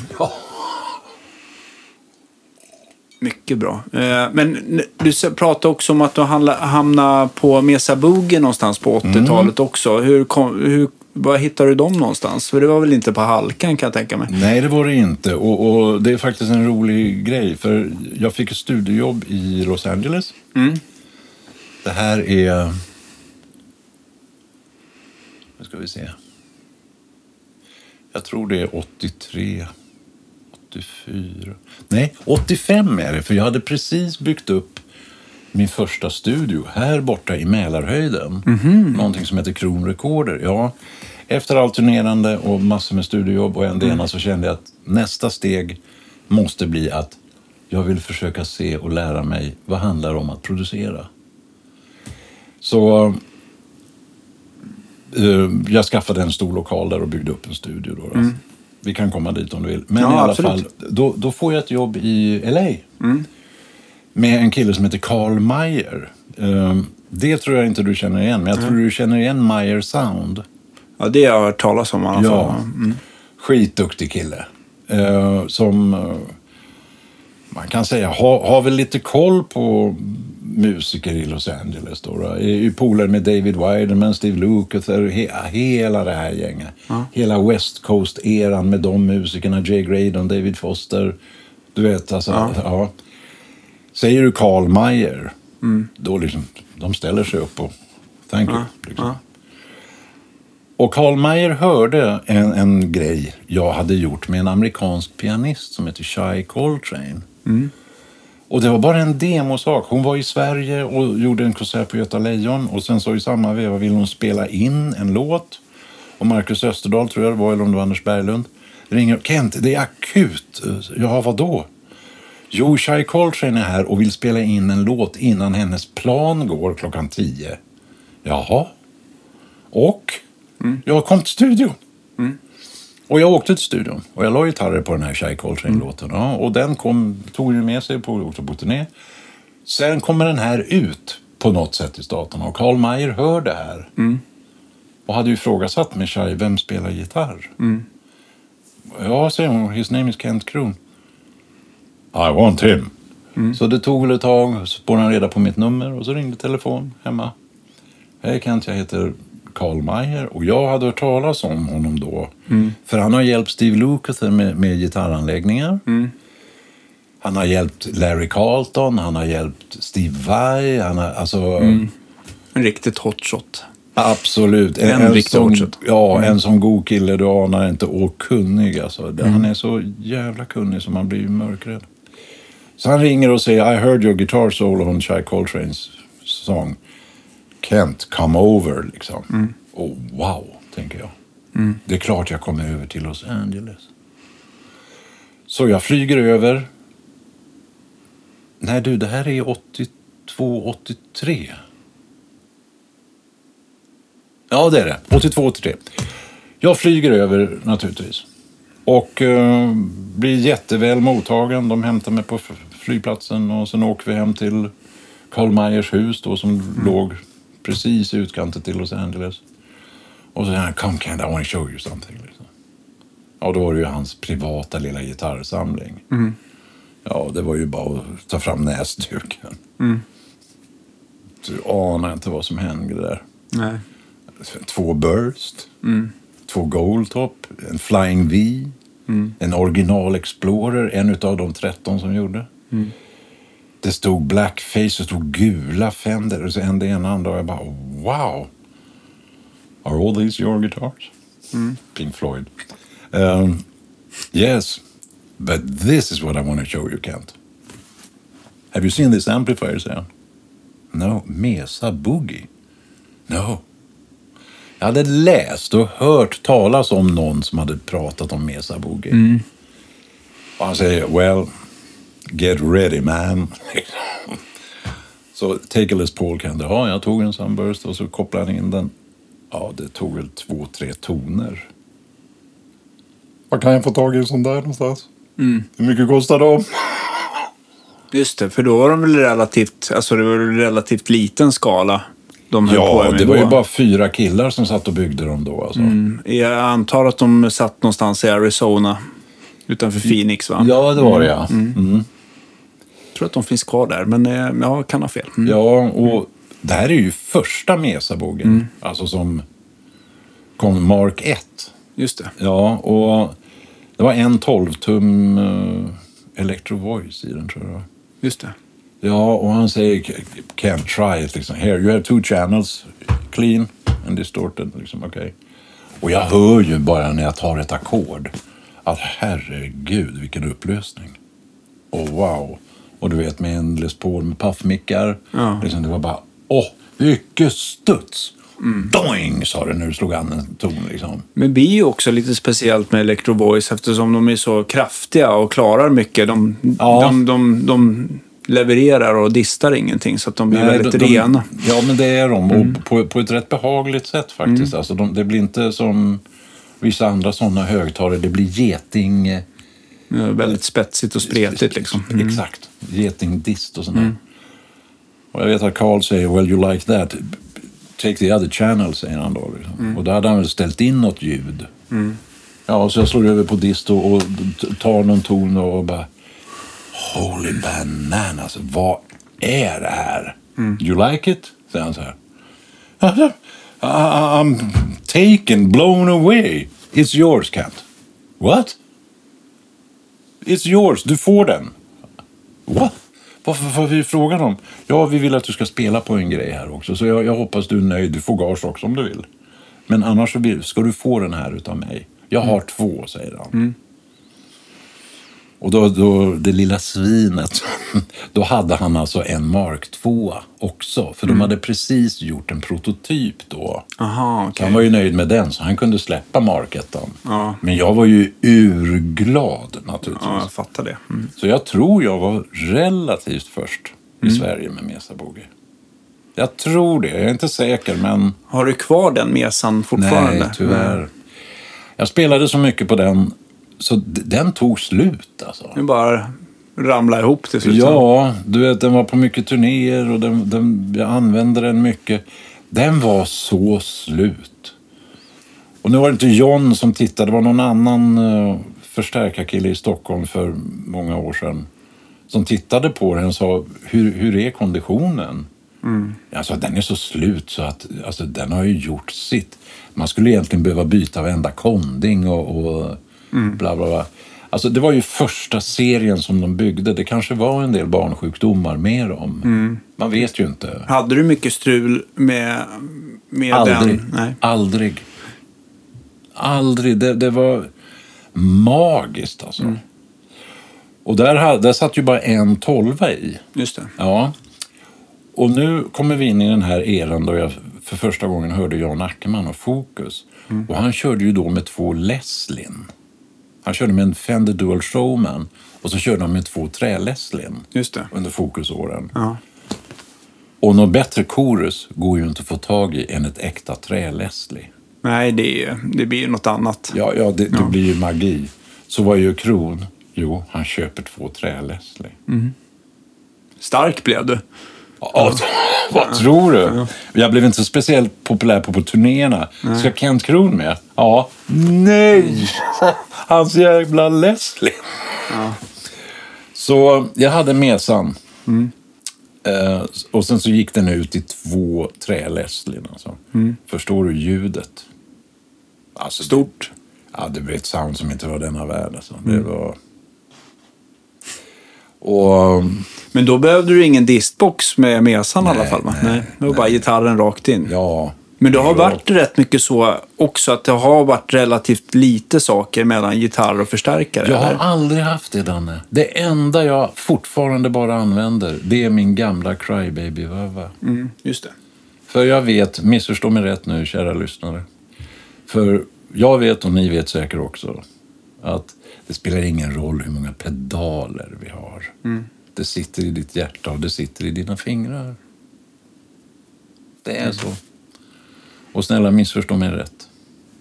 Ja, men det... Jag, jag, jag gillar det. Nej, men, eh, och sen Ja, så... för det är ju så någonstans. Nej, men jag, känner, jag känner ju för egen del att jag också börjar har bantat ner och bantat ner pedalborden och sådär också. Så andra skalar upp såklart och jag förstår det också. Men, Ja, eh, men, eh, det- men, det jag gillar en nå- trygghet. men jag gillar någonting med, det blir någonting speciellt när man får en, en rätt stark med rätt gitarr sådär och bara ratta in det soundet man har tänkt i huvudet på något sätt. Det, Det, det, blir det alltså. Det, det, det går aldrig att komma ifrån. Och, och om vi pratar om någonting som är väldigt viktigt i det här, Danne. vi- Vilket ju är, är väl grunden till att jag har kunnat leva som gitarrist hela mitt liv. Och, och det har gått väldigt bra. Alltså, jag har ju övat hårt för att försöka hitta ett sound när jag spelar. Och det, det soundet, eller den feelingen, den kärleken och det, det, det finns inte i en pedal. Den kan hjälpa dig att komma vidare, ja. Men det är ingenting att lita på. För det du ska lita på, det är dig själv. Att det sitter i ditt hjärta och det Just sitter det. i din själ och det sitter i dina fingrar. Hur har det varit så här när det gäller eh, hur mycket har du mixtrat med dina gitarrer? Jag förstår att dina gamla Les Pauler och sånt där, att du inte har bytt dina gamla paffar och sånt där. Men har det varit mycket för att modifiera dina gitarrer under åren annars? Eller? Ingenting. Nej. Har du hållit på mycket med, med liksom olika typer av plektrum eller strängtjocklekar eller experimenterat mycket där? Har du Nej. fastnat för någonting? Nej, alltså sen den dagen jag upptäckte det vanliga Dadario Mm. så tyckte jag den lirar så himla bra som det är. Mm. Och jag har alltid kört med rätt, relativt tjocka plektrum. Mm. För jag, känner att jag får en mycket bättre koll då. Mm. Just det.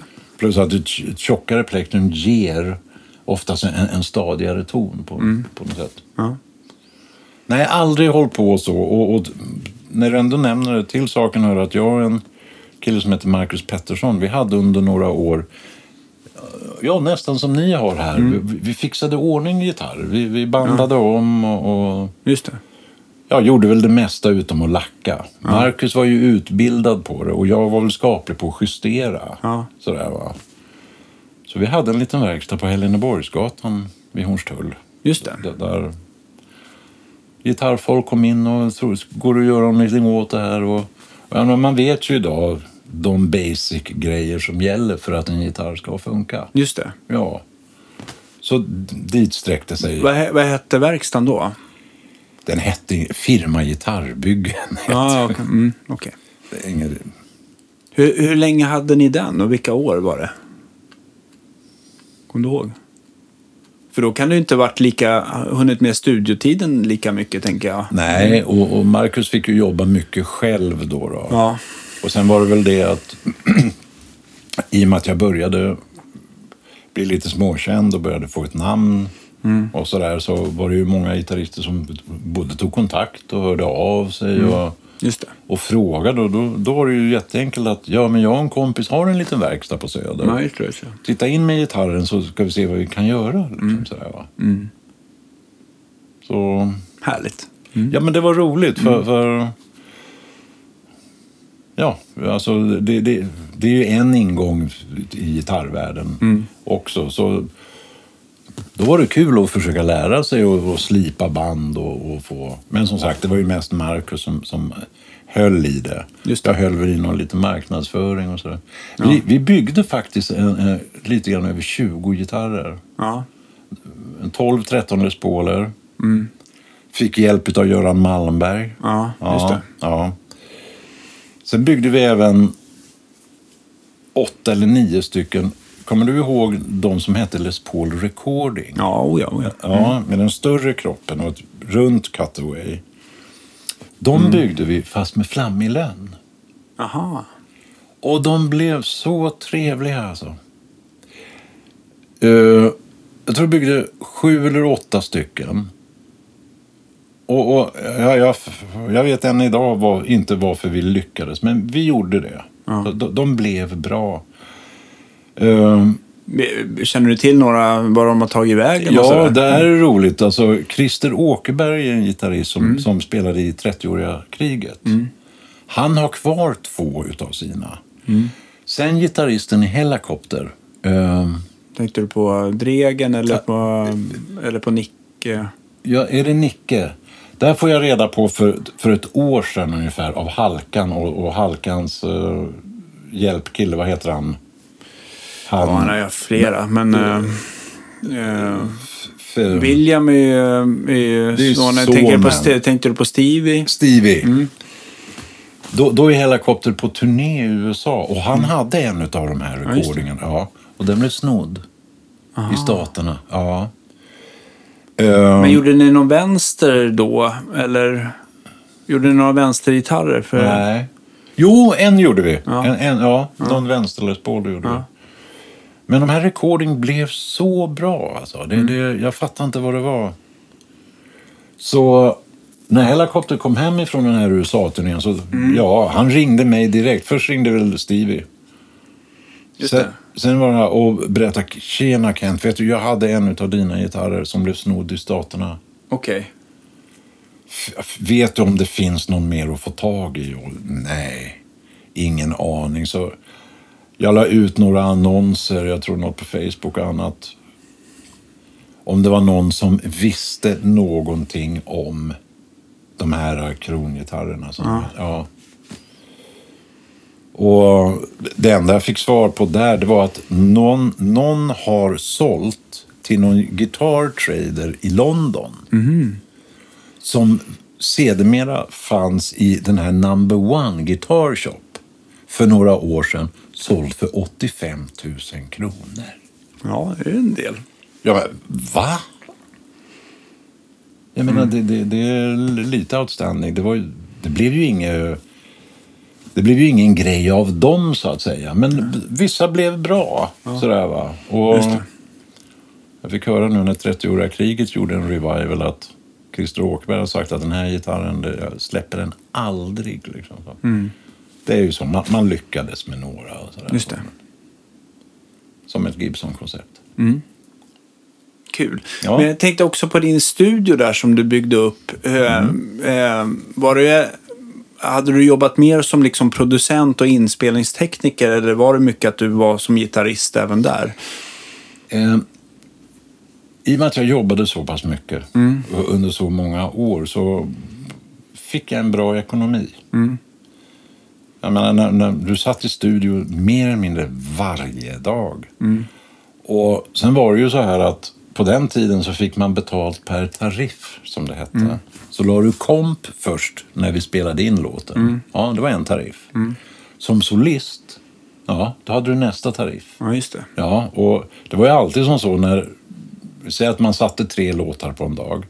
Det var alltid jag som fick stanna kvar sen för det skulle på gitarrsolon. Och det skulle på stämsolon och för varje stämma var också en tariff. Liksom. Ja, men det är klart. Då blir det lite klirr i kassan. Ja, det, det blev ju det. Så helt plötsligt så satt jag och hade rätt mycket pengar. Och tänkte, vad, vad ska jag göra nu då? Och till saken så var det väl så att de sista åren när jag jobbade så mycket så hade jag liksom börjat små tycka till. Vi säger vi satt på Europafilm och gjorde någonting med någon. Spelar ingen roll. Ja. Så tyckte jag att jag, hade lärt mig så pass mycket så jag vågade liksom räcka upp handen och säga, ja men hörni, om, om vi provar det här istället. Str- strunta i att göra på det här vedertagna sättet. Vi provar att göra det på ett litet annat sätt. Prova att göra så här istället innan vi går in i refrängen. Ja. Och helt plötsligt så märkte jag, men shit, jag har ju lite öra för det här. Så då bröt jag allt i studiojobb och turnéer och så. Och hade alltså 450 000 någonting över att röra mig med. Det här är 80. Ja, just det. Det är en del, Åttio- åttio- det blir en del pengar. Ja, det, det var en del pengar. Eller det var 84 rättare sagt. För då bestämmer jag mig. Nu tar jag de här pengarna. Jag vill komma vidare. Jag vill försöka lära mig att producera. Arrangera var jag rätt bra på faktiskt i och med att jag läste in det och haft en feeling för det. Men jag ville lära mig att producera. Så jag tog de här pengarna och köpte den här lokalen i Mälarhöjden.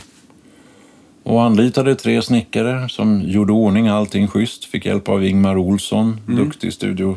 Ja, just det. Mm. Ja, Bra på att rita rum och... och ja, magisk man alltså.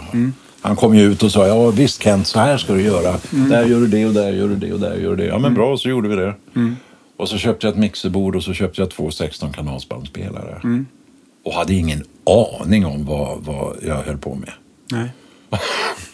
Utan tog ett halvår och bjöd in kompisar. Nu åker vi ner till min studio och så spelar vi bara. Så får jag lära mig hur, hur mickar man upp en virveltrumma då? Hur ska man göra med det? Hur ska man göra med en bas när vi gör så där? Hur, hur, jaha? Jag ville lära mig något nytt. Jag ville komma vidare liksom. Och det var ju ärligt talat, Danne, det var ju skitskoj. Alltså. För nu hade jag gjort så mycket studiojobb. Jag hade turnerat hårt och, och kände att, ja okej, that's it. Just jag det. vill försöka komma vidare. Jag känner att jag har energi kvar. Så vi tog ett halvår och, och bara lajade. Kompisar kom ifrån olika band och jag, vi spelade in och, och höll på. Och jag försökte lära mig. Och efter ett litet tag, efter något år, så började det låta bra. Och då, i och med att man ändå hade ett namn, de, de flesta visste vem jag var och sådär, så var det ju flera av musikerna och de banden på den tiden som hörde av sig till mig och sa men tjena Kent, vi har hört att du öppnade en studio. Ja, visst fan har jag gjort det. Så här. Just det. Ja, men skulle vi inte kunna göra nya Eggba-skivan där? Eller nya Mynta-skivan? Eller en ny med Björn Jison Lind? Ja, men självklart. Det är ju skitkul, tycker jag. Så här. Ja. Och de kommer ut och, och... Jag har alltså noll koll på vad en tekniker egentligen gör. Men jag har öron. Och jag tog tid på mig att, att försöka lära mig utav mina misstag. Ja, just det. Så när jag spelade in och, och småproducerade, hjälpte de här banden, för, så höll ju inte jag på med något, vad, vad ska vi säga, något flum, utan liksom lät en tabla bra nu där, ja men då får den vara så. Vi, vi, vi, vi jiddrar inte till det här nu, utan nu, och en gitarrstärkare där, pang. Jag vet Velander var där med, med en grej, han och Mats. Ja, han skulle bara lägga. Men fan Kent, vad, vad, vilket gitarrljud, vad har du gjort? Ja, jag har inte gjort någonting. Satt fram en SM58 framför din Marshall Combo. Sen är det att du spelar som en grud, jävla Lasse. Här. Ja, det gjorde ju att de här skivorna som gjordes då, de lät väldigt naturtroget. En av dem fick till och med ett pris. Alltså Mynta gjorde sin, sina två första skivor där. Den heter Indian Time. Med Max Schultz på gitarr och Jonas Knutsson sax och Pauline på bas. Den skivan kom ut. Indian Time Mynta. Och det st- skriv, står skrivet att den är inspelad hos Kent Kron. Och det, det- är Kent som har rattat den. Och den låter så jävla bra. Och den gjorde det. Men ska jag vara ärlig, ni behöver inte säga någonting vidare. Jag visste ju inte vad jag gjorde. Jag bara tyckte jag rattade fram till, till jag du- tycker att det låter bra. Jag var inte haj på vad kompressorer var eller någonting. Utan jag kände bara, låter det bra? Så, ja men då får det vara bra också. Men hade du köpt... Alltså jag tänkte att, att ibland så kan ju också eh, just alla eh, kompressorer och output och EQ och allt man kan koppla in i kedjan. Så kan ju bara att det blir för mycket smak och kryddor om, man om du förstår vad jag menar. Att Samma ibland- sak som att om du har sju pedaler på golvet. Ja. Ja. För det första så snor pedaler den här känsliga dynamiken som sitter Mm. mellan ditt plektrum och din fingertopp. Ja. Det finns inte en pedal i hela världen som, som ger det den tar, så att säga. Som lämnar det, den, det du ger. Mm. Det finns inte, det, det måste du hålla med om. Alltså, jag, tycker, jag, jag, jag kan hålla med om på den tiden när det mesta gick ändå igenom en liten förstärkarkrets och det brusade och det hände saker. Nu är det mycket pedaler som har så kallad true bypass, det vill säga att, eh, så att det blir på ett annat sätt. Att de, när de är av så, är de, så går signalen vidare genom dem. Så att jag, däremot så kan ju, du vet ju, det blir ju inte bättre ju längre kabel du har. Eller det blir liksom lite dovare och sådär. Så att det gör ju skillnad med kabellängder ändå. Och sådär. Så det, Ja, och det lite- måste ju, även om du har en bypassfunktion i nya pedaler, så går du ju igenom massa krä- Du går ju igenom komponenter. Det, det är alltså saker som händer som... Ja, alltså jo, jo, jag tycker det. Men det, det går ju att få till pedalbord tycker jag numera där, där man där jag försöker lägga dem att man verkligen så AB-testar och, och jag tycker att det är ett mycket mindre problem idag jämfört med Ja, vad det, det- säkert har varit. Va? Men, det, är det, det är det säkert alltså. För, För jag kommer ihåg så här när man började, man kom in till musikaffären och sen så hade de liksom gjort ett så här demopedal, låt säga Boss-pedaler, där allting var inkopplat. Och sen så liksom jackade man in på första pedalen och sen så sista pedalen gick ut till någon liten teststärkare där. Och så tycker man bara, fasiken.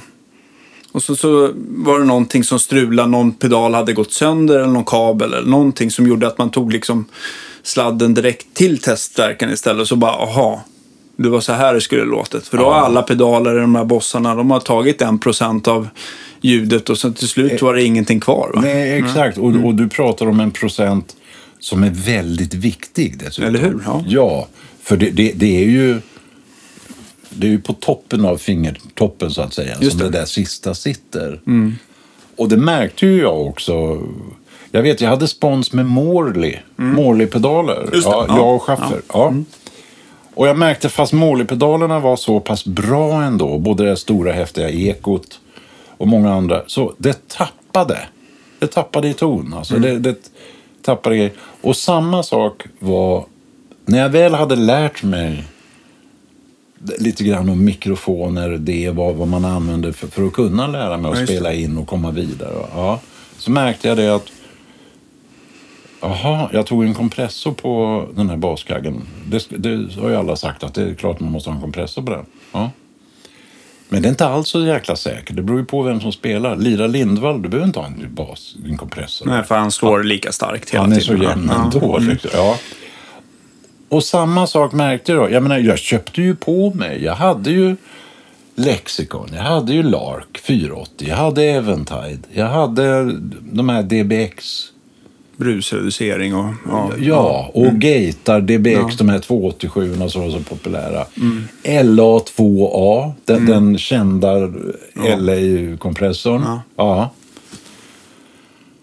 Och jag märkte ju bara att om jag då insertade, för, för det hade man ju hört att det är klart det måste vara en kompressor. Så märkte jag, ja men fan den lät bättre utan.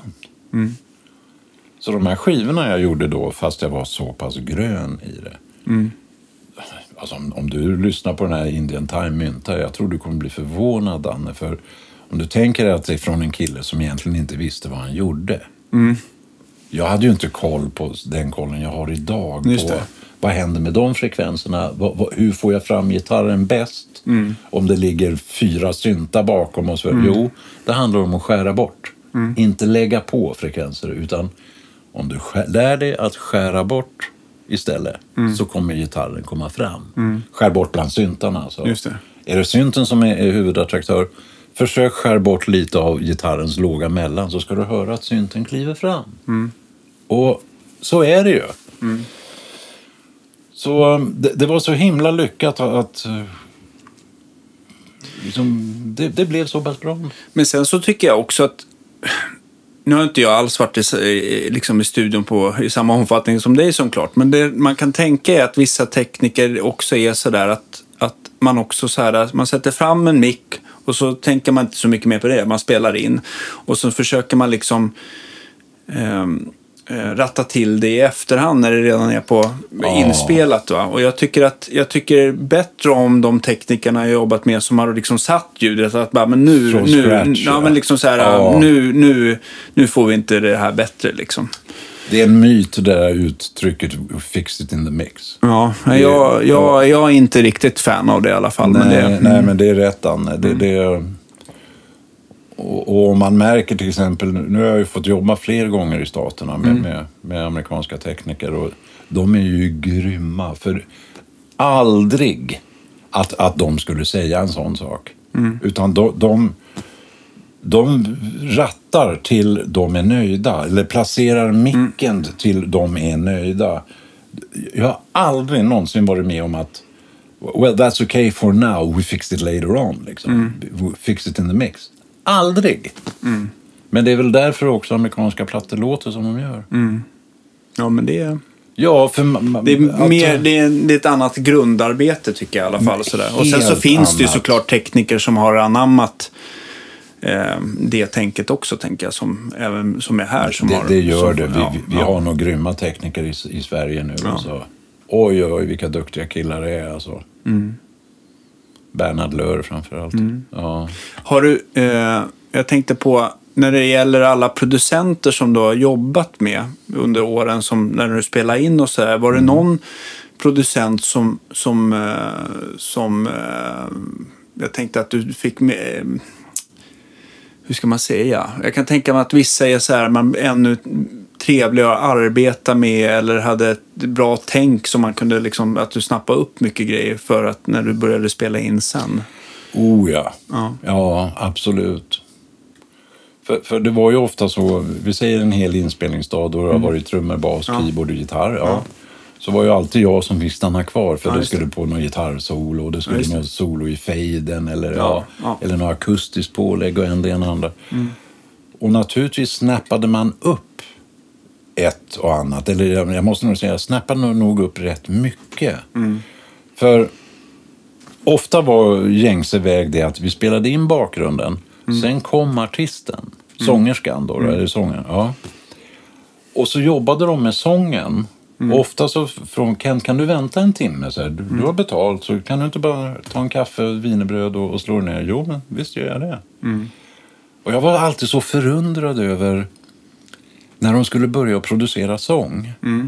Jag fattade inte riktigt vad, vad det var den här producenten sa. Det, Okej. det, det tog ett tag innan poletten ramlade ner. När han sa till mig när jag står inne i studion med hörlurar. Kent, jag vill ha ditt sound bara. Nu går jag och fikar. Vi trycker rekord. Hej då. Pang. Jag fick fria händer. Ja, de litade på mig. Liksom. Sen då när jag började titta in det här och sitta med i kontrollrummet när, när producenten jobbade med sångaren eller sångerskan. Så vet jag hur jag förundrades många gånger över liksom, varför, varför sa han det till henne? Jag tyckte den sånglinen var bra. Varför, varför, var, varför var inte den bra? Jag fattade inte då vad det var. Då alltså. Men sen några år senare med, med en rätt gedigen erfarenhet så förstod jag ju vad det innebar att producera. Och framförallt, det, bland det känsligaste av allt, att producera sång. Så att den verkligen kommer fram. Att, att om jag ska få fram det bästa av dig, Danne, som sångare så är det flera parametrar jag måste tänka på för, för att... Men det tog sina år att lära sig det. Alltså. det man har spelat, man har haft gitarrtonerna, man har haft tonerna ifrån instrumenten. Sången, mm, det var ett annat medium. Det var en annan grej. Ja, men I love you baby, ja men det där lät väl bra? Men jag såg inte hela bilden. Mm, nej, okej. Nej. Och, och det lärde jag mig sakta men säkert. Så sen när, när jag började lite grann producera i Mälarhöjden så var det väldigt roligt att, att, att känna att, ja men shit, det är så det går till ja. Du måste titta lite granna du kan inte bara se det du ser. Du måste titta bakom också. Vad, vad är det du vill berätta? Vad är det du vill få fram med det här? Det. Vilket är det viktiga? Är det texten som är det viktiga? Eller är det melodin som är det viktiga? Vad är A och O i de här åtta takterna som kommer här? Och, och det var grymt att och, och lära sig det. För sen fick jag ju lite producentjobb. Och får fortfarande en del. Just det. Och, och det, är, det är rätt mäktigt faktiskt. Och, och som en musiker, om, om, om vi skulle göra någonting, det är inte så svårt. Vi, vi, har, vi har vårt språk sådär att, ja men fan Danne, ska du verkligen lira som mollpentigt på en sån där? Eller vad var? När man kommer till sång så är det två, tre kapitel till att tänka på liksom bakom. Tyvärr så kanske inte det hörs i dagens musik. Nej, men jag, det missförstå mig rätt. Ja.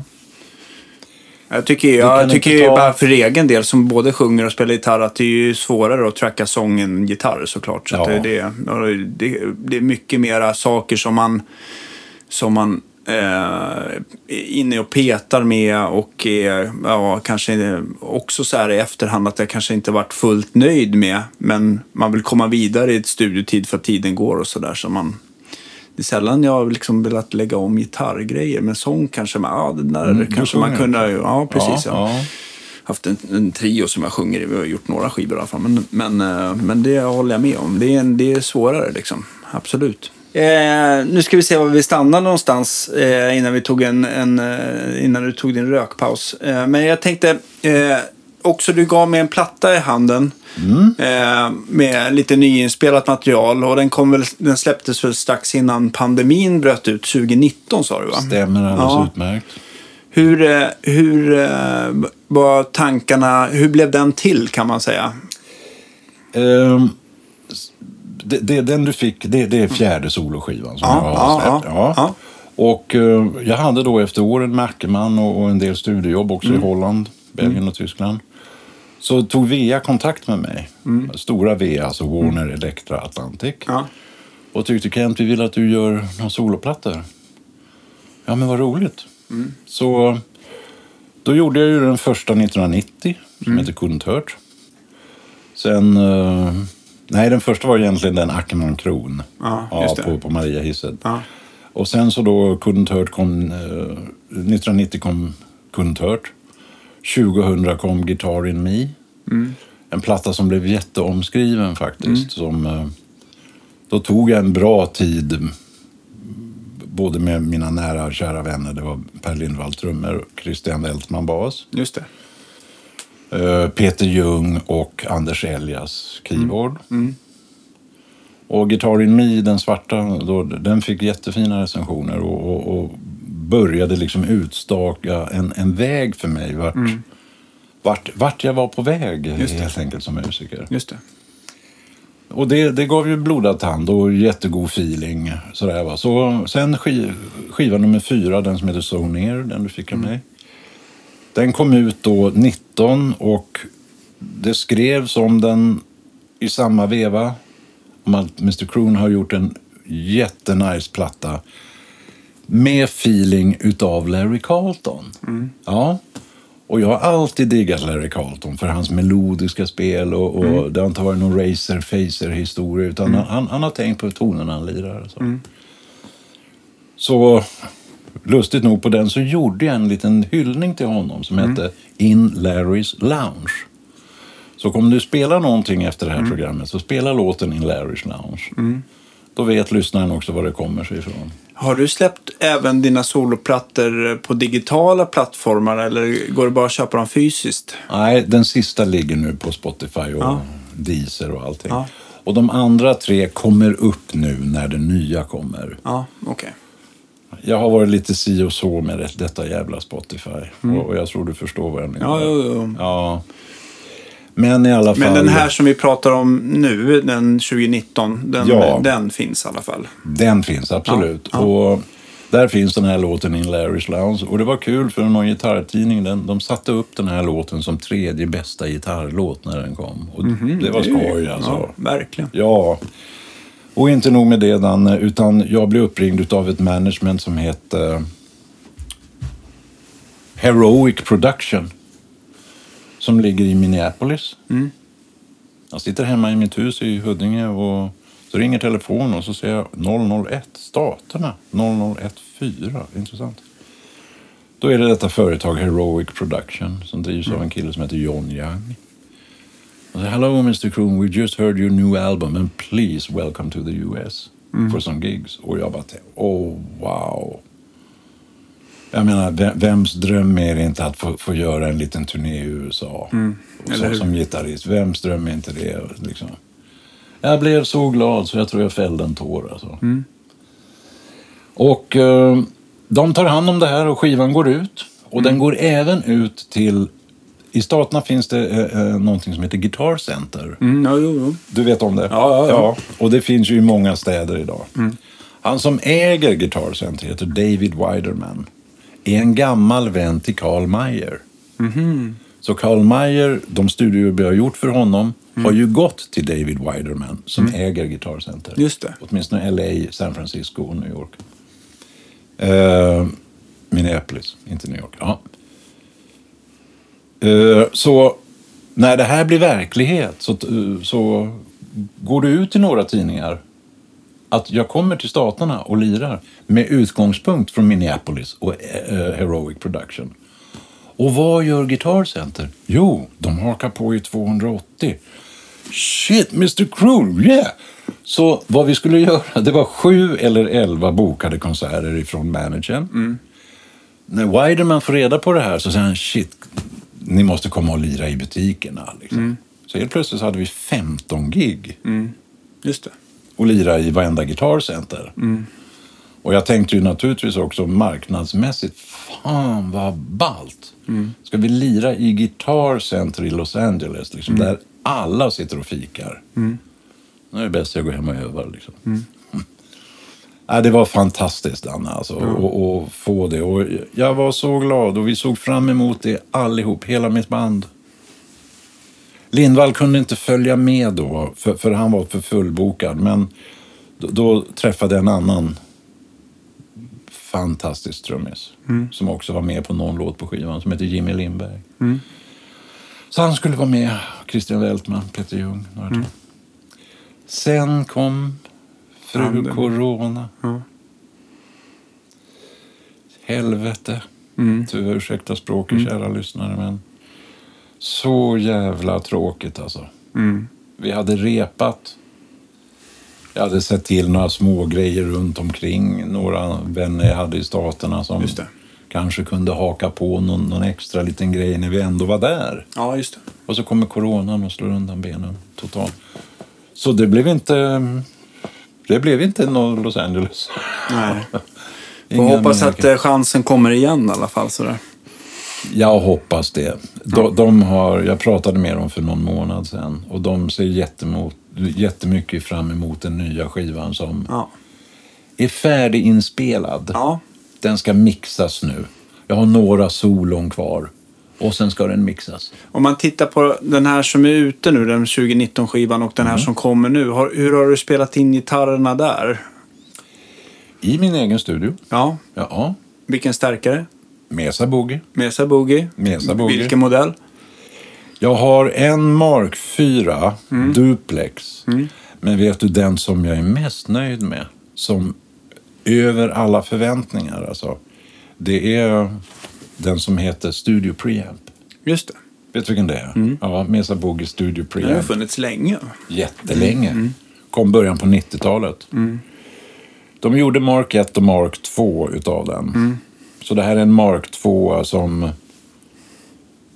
någon... Eh, vad heter han som modifierade Marshall i Sverige? Tommy Folkesson Tack, kanske? Mm. tack.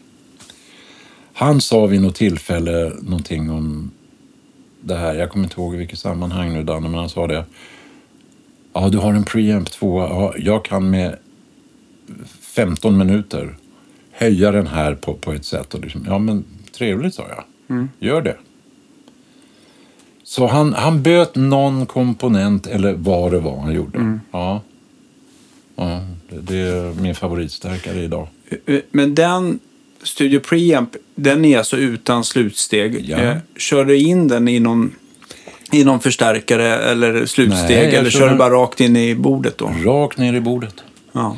Det är så smart med den, för den har en, en main-utgång och det är ju för slutsteg. Ja. Sen har den en recording-utgång ja, just det. som är, är perfekt balanserat för att bara gå rakt ner i bordet eller gå rakt in på ljudkortet. Ibland går jag bara rakt in i ljudkortet. Och du vet, det blir ju en sån närhet. I och med att det är inga mickar med. Nej, Nej, och det är inte 57 000 pedaler. nej.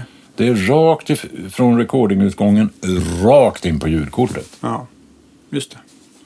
Ja, det Lägger blir- du till något, eh, något rumsreverb eller är det, det helt torrt? Ja, det brukar jag göra. Mesan har en skapligt reverb, men det går inte att jämföra med ett Lexicon Lark. Nej.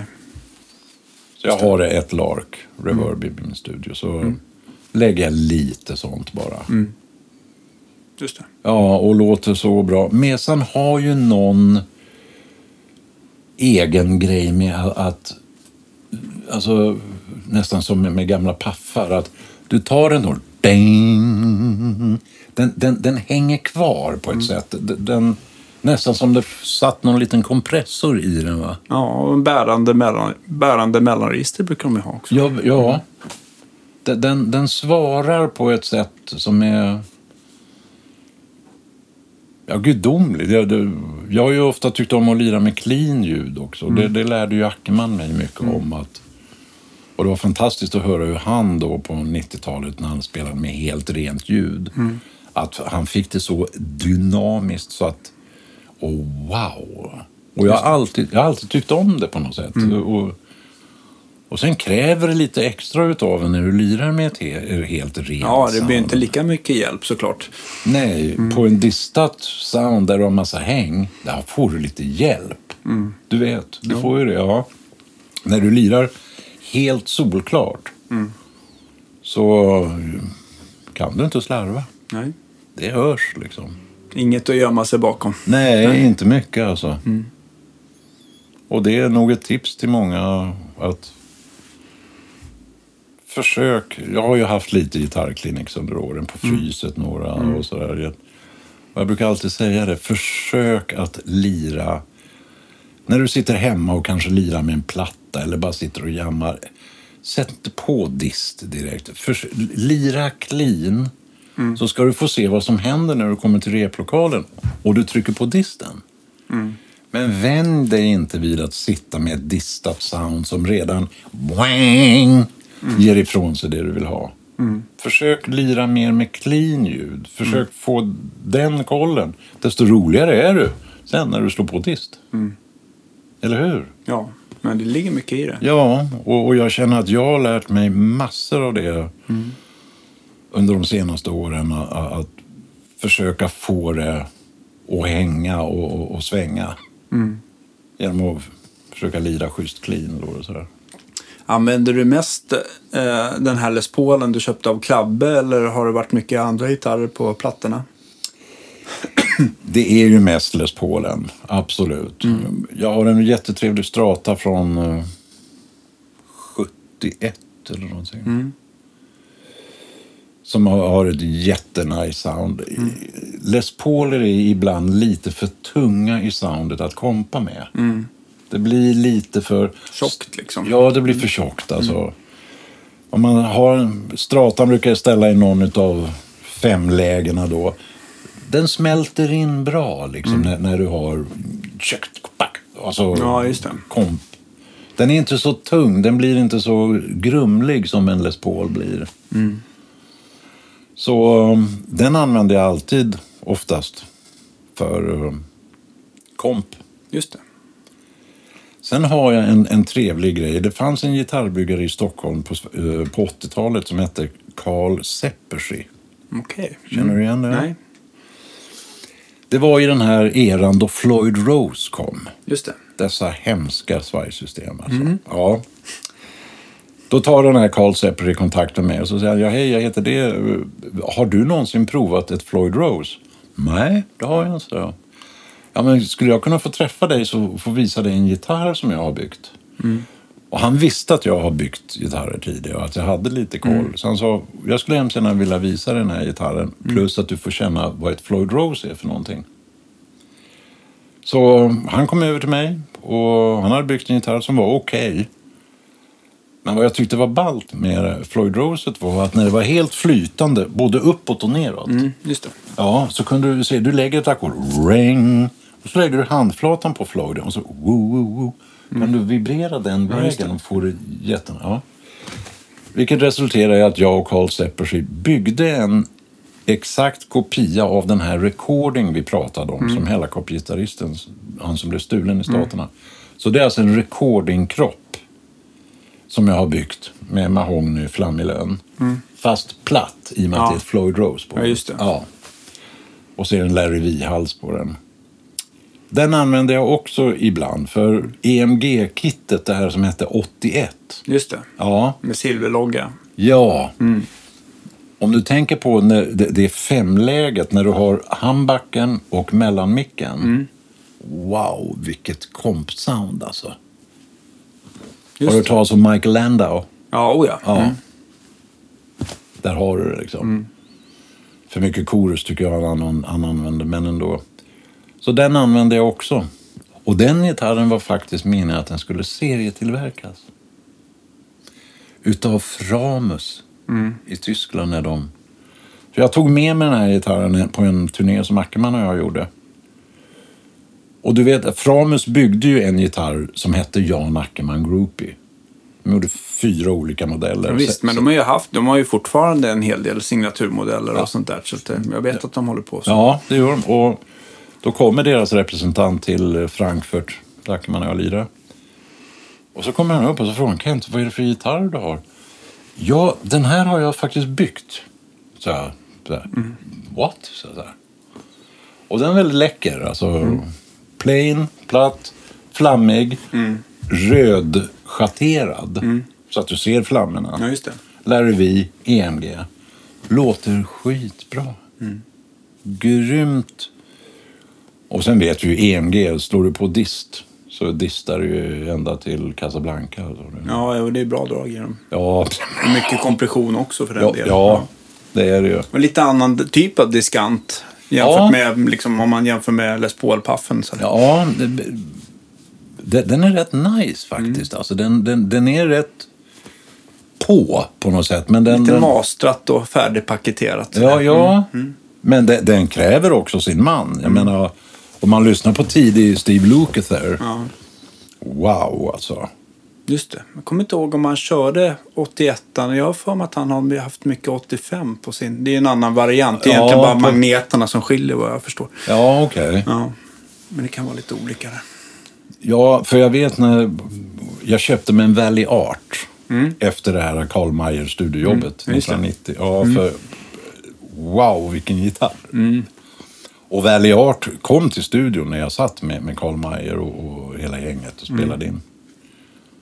Och de tyckte det lät ball, så de sa Kent, har du hört talas om Valley Art? Och då hade jag bara läst om Valley Art-gitarrerna. Ja.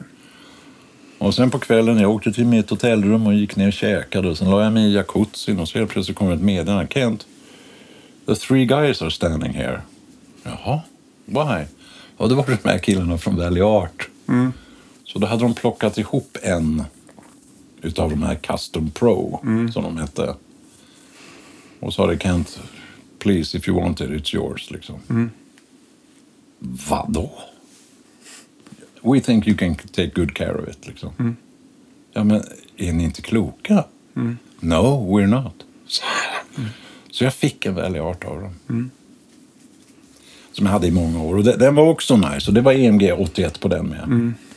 Bara det att den var så fruktansvärt känslig. Två grader för varmt. Om det var två, tre graders temperaturskillnad från, från etuit till att jag gick upp på scen. Så stämde den om sig. Den var jättekämpig alltså. Och jag pratade med Steve om det här också.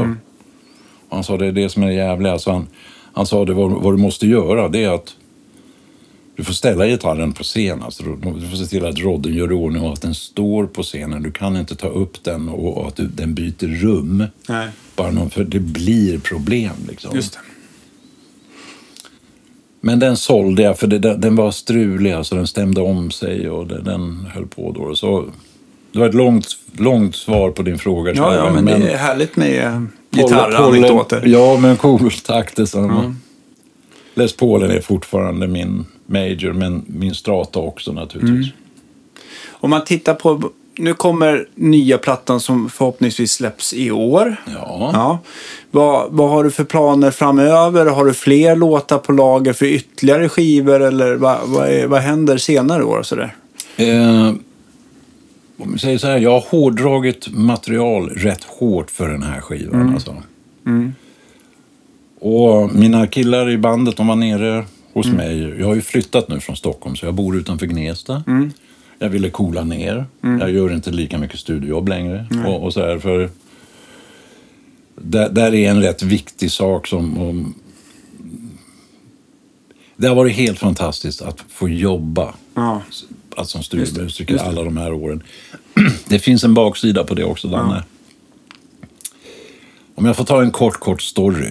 Som, som, Varsågod. Ja, det var så när jag var väldigt ung och, och hade kommit in i musikbranschen, hade kommit in i studiosvängen. Så var det så här att vår kära Janne Schaffer, han var på väldigt, väldigt många spelningar som jag hade.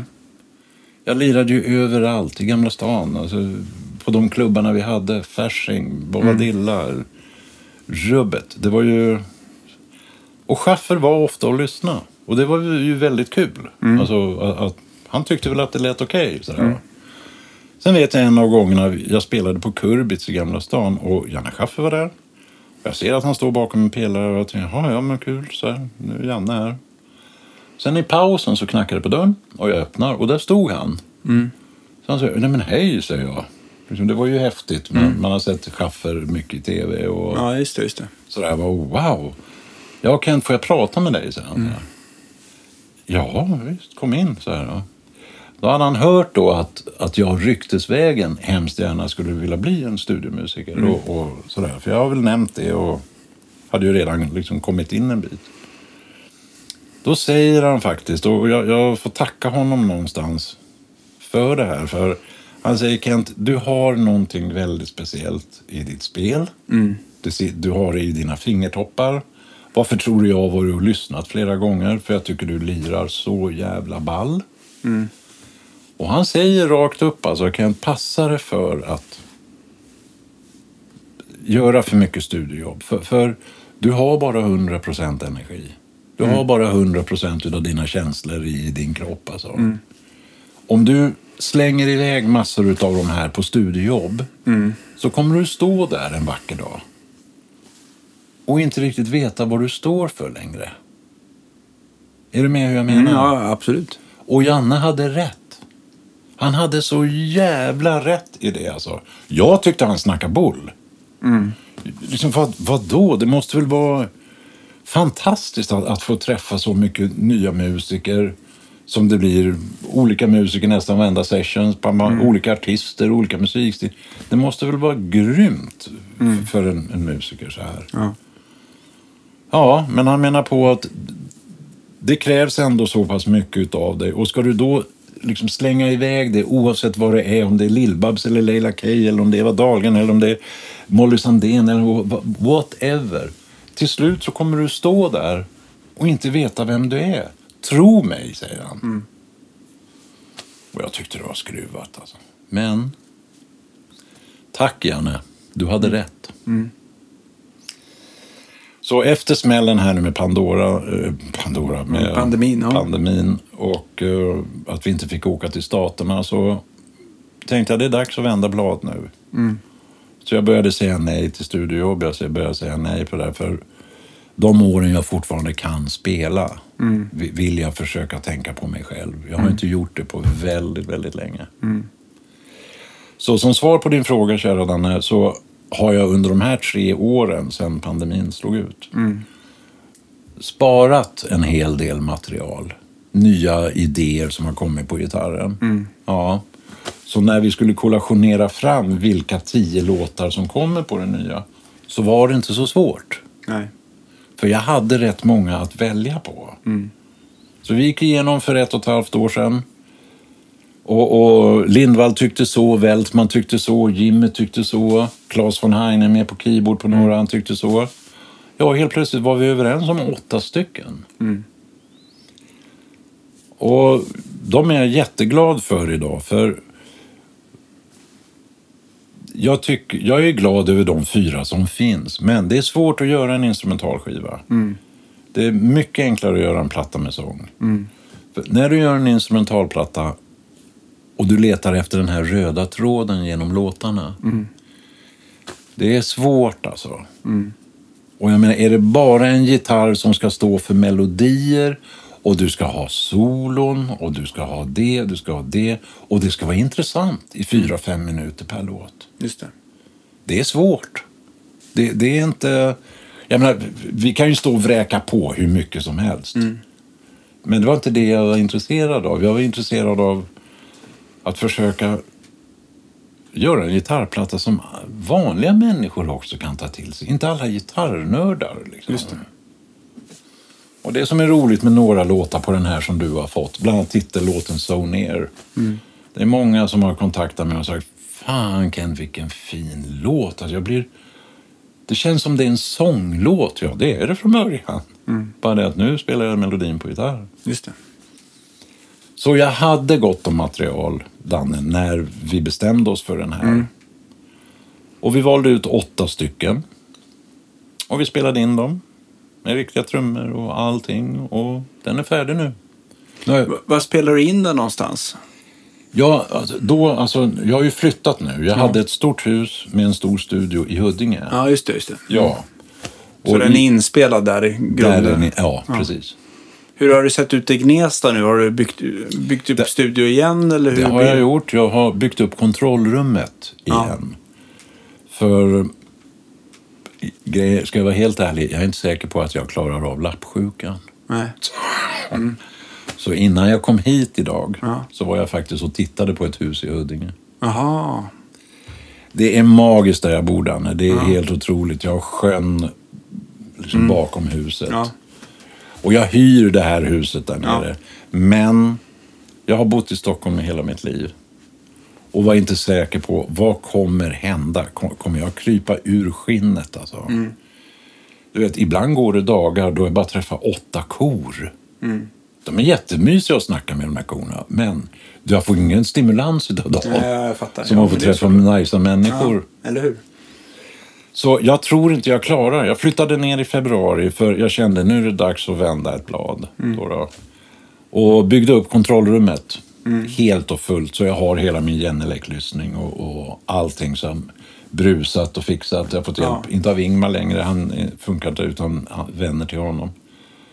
Så nu sitter jag och mixar den. Just det. Ja. Men trummor och allting spelade vi in innan jag sålde huset i mars. Ja. Och eh, så nu har jag lagt på gitarrer och Får se om du hittar ett nytt hus i Huddinge där du Ja, kan ha alltså. studior. Ja. Jag var och tittade på ett som sagt innan jag kom hit. Ja. Och, och Kunde det duga då, tror du? det, det, det kunde duga, absolut. Men jag har ändå blivit över 60. Jag vet inte om jag vill köpa ett hus igen. Nej. Det är oroliga tider liksom Ja, med jag det här. Och, ja, och vem vet hur länge fingrarna håller med mig? Nej. Och vem vet? Så jag ska se om det funkar att jag kan hitta och, och hyra ett hus istället. Mm. Jag har ägt hus hela mitt liv. Jag behöver inte äga det längre. Fattar. Ja. Så nej, det, det var en lustig grej att jag trodde, ja men jag kommer ut, Sofielund heter det, det är tre mil utanför Gnesta. Mm. Och när jag var och tittade, liksom en sjö precis bakom huset. Ja, just det. En luft, Danne, som inte har denna värld. Mm. Och det är så vackert, vet du, så att du, ja. Men efter ett par månader, då har man ju sett allt det här. Mm. Ja. Och jag menar, jag är en social människa. Jag, jag har Mm. alltid umgåtts med människor. Jag har jobbat med människor. Ibland kan det gå två, tre dagar jag inte ser en själ. Det är inte jag. Nej. Det är det- inte jag. Du har sett när jag kom hit upp i morse när jag skulle titta på huset och käka lunch med en kompis. Det var liksom så här, wow, Huddinge! Åh, människor, kolla in! Åh, titta där! Ja. Det är trevligt. Det är trevligt alltså, och det är trevligt där nere med. Och nu har jag provat. Jag har testat att se om det gick och Nej. nej. Jag klarar det. Jag, det, det. Det blir för lugnt alltså. Och du vet skillnaden där. Vi jobbar mycket båda två. Ja. Jag menar bara en sån grej att nej, men vi, vi tar en halvtimme och åker och käkar en grillad med bröd. Liksom. Eller vi pyser och tar en kaffe och en macka nere på Statoil. Sådär. Göra det där uppe, det är ju ett helt företag. För det finns ingen korvkiosk i närheten. Det finns inget fikaställe. Det är flera mil för att komma dit. Nej, det Men- låter inte som du. Nej, det är inte jag. Och jag, jag. Det har kommit en hel påse nya känslor. Här kommer alla känslorna på en och samma gång. Jag trodde, jag trodde att det skulle gå bra, men det gick inte riktigt som jag hade tänkt mig. Så jag är nog snart tillbaka i ett hus i Huddinge. Eh, så här, vi brukar ju alltid eh, runda av eh, och ställa frågan vilken är den sista gitarrsaken du säljer? Jag tycker att det verkar ganska uppenbart att det är den här Les Paulen Ja. du har. Släpper aldrig den. Men vilken är då den näst sista gitarrsaken du säljer? Har du någonting som du håller nästan lika kärt eller, eller, eller eh, att du liksom, den där, den där kommer få vara kvar länge? Den var lite svårare. Ja, egentligen. Men du tänker även med, med utrustning? Ja, det, så- ja. absolut. Ja. Ja, alltså jag... Om jag inte tar med den i graven så... Mm. Det här första TC Electronic koruset. Ja. Du vet, alltså de ger ju 20 000 för sånt där idag. Mm. Alltså. 22 hörde jag häromdagen gick på Blocket. Mm. Det är väl en, en sån där grej. För ett sånt korus går inte att få tag i idag. Det finns inte. Du kan köpa ett Eventide för 350 000. Glöm det. Det är inte ens i närheten. Nej. Jag tror nog det får, får bli det. Det kanske låter lite osexigt med Nej, gammal det är, kor och jag tycker ändå Alltså, att det är ändå vad du tycker. Så att det är väl det som räknas. Det är en sån bra grej liksom. Mm. Och jag tror även att jag, de här Mesa Boogie uh, Studio Preamp, de går ju inte att få tag i längre. Nej. Och den här Mark 2 som, som Folkesson har varit inne i. har petat innan jag gjorde någon grej och sådär. Alltså den låter så bra så att det är bara inte sant alltså. Mm. Men jag ska faktiskt återkomma för i och med att John är en gammal vän till mig. Mm. Jag vill ha, jag vill ha tag i någonting som, någon liten kombo som är bra. Det gör han. Ja, han gör det, jag vet. Mm. Så jag, jag ska prata med honom och jag har varit på gång flera gånger men du vet hur det blir ibland. Ja, nu hittar du hit i alla fall. Nu hittar jag hit och jättetrevligt att träffa er alla Ja, eller hur? och se hur ni har det här. Men vi får eh, tacka för eh, dina fina berättelser och, eh, och eh, Tack själv. ja. Eh, och kära lyssnare, tack för att ni eh, swishar och eh, köper kaffemuggar och kaffe såklart. Och eh, även eh, är med Patreon. Det gör stor skillnad för oss här, för mig och Andreas i alla fall. Så fortsätt gärna med det. Så får ni ha en trevlig torsdag så hörs vi nästa vecka. Ha det så bra.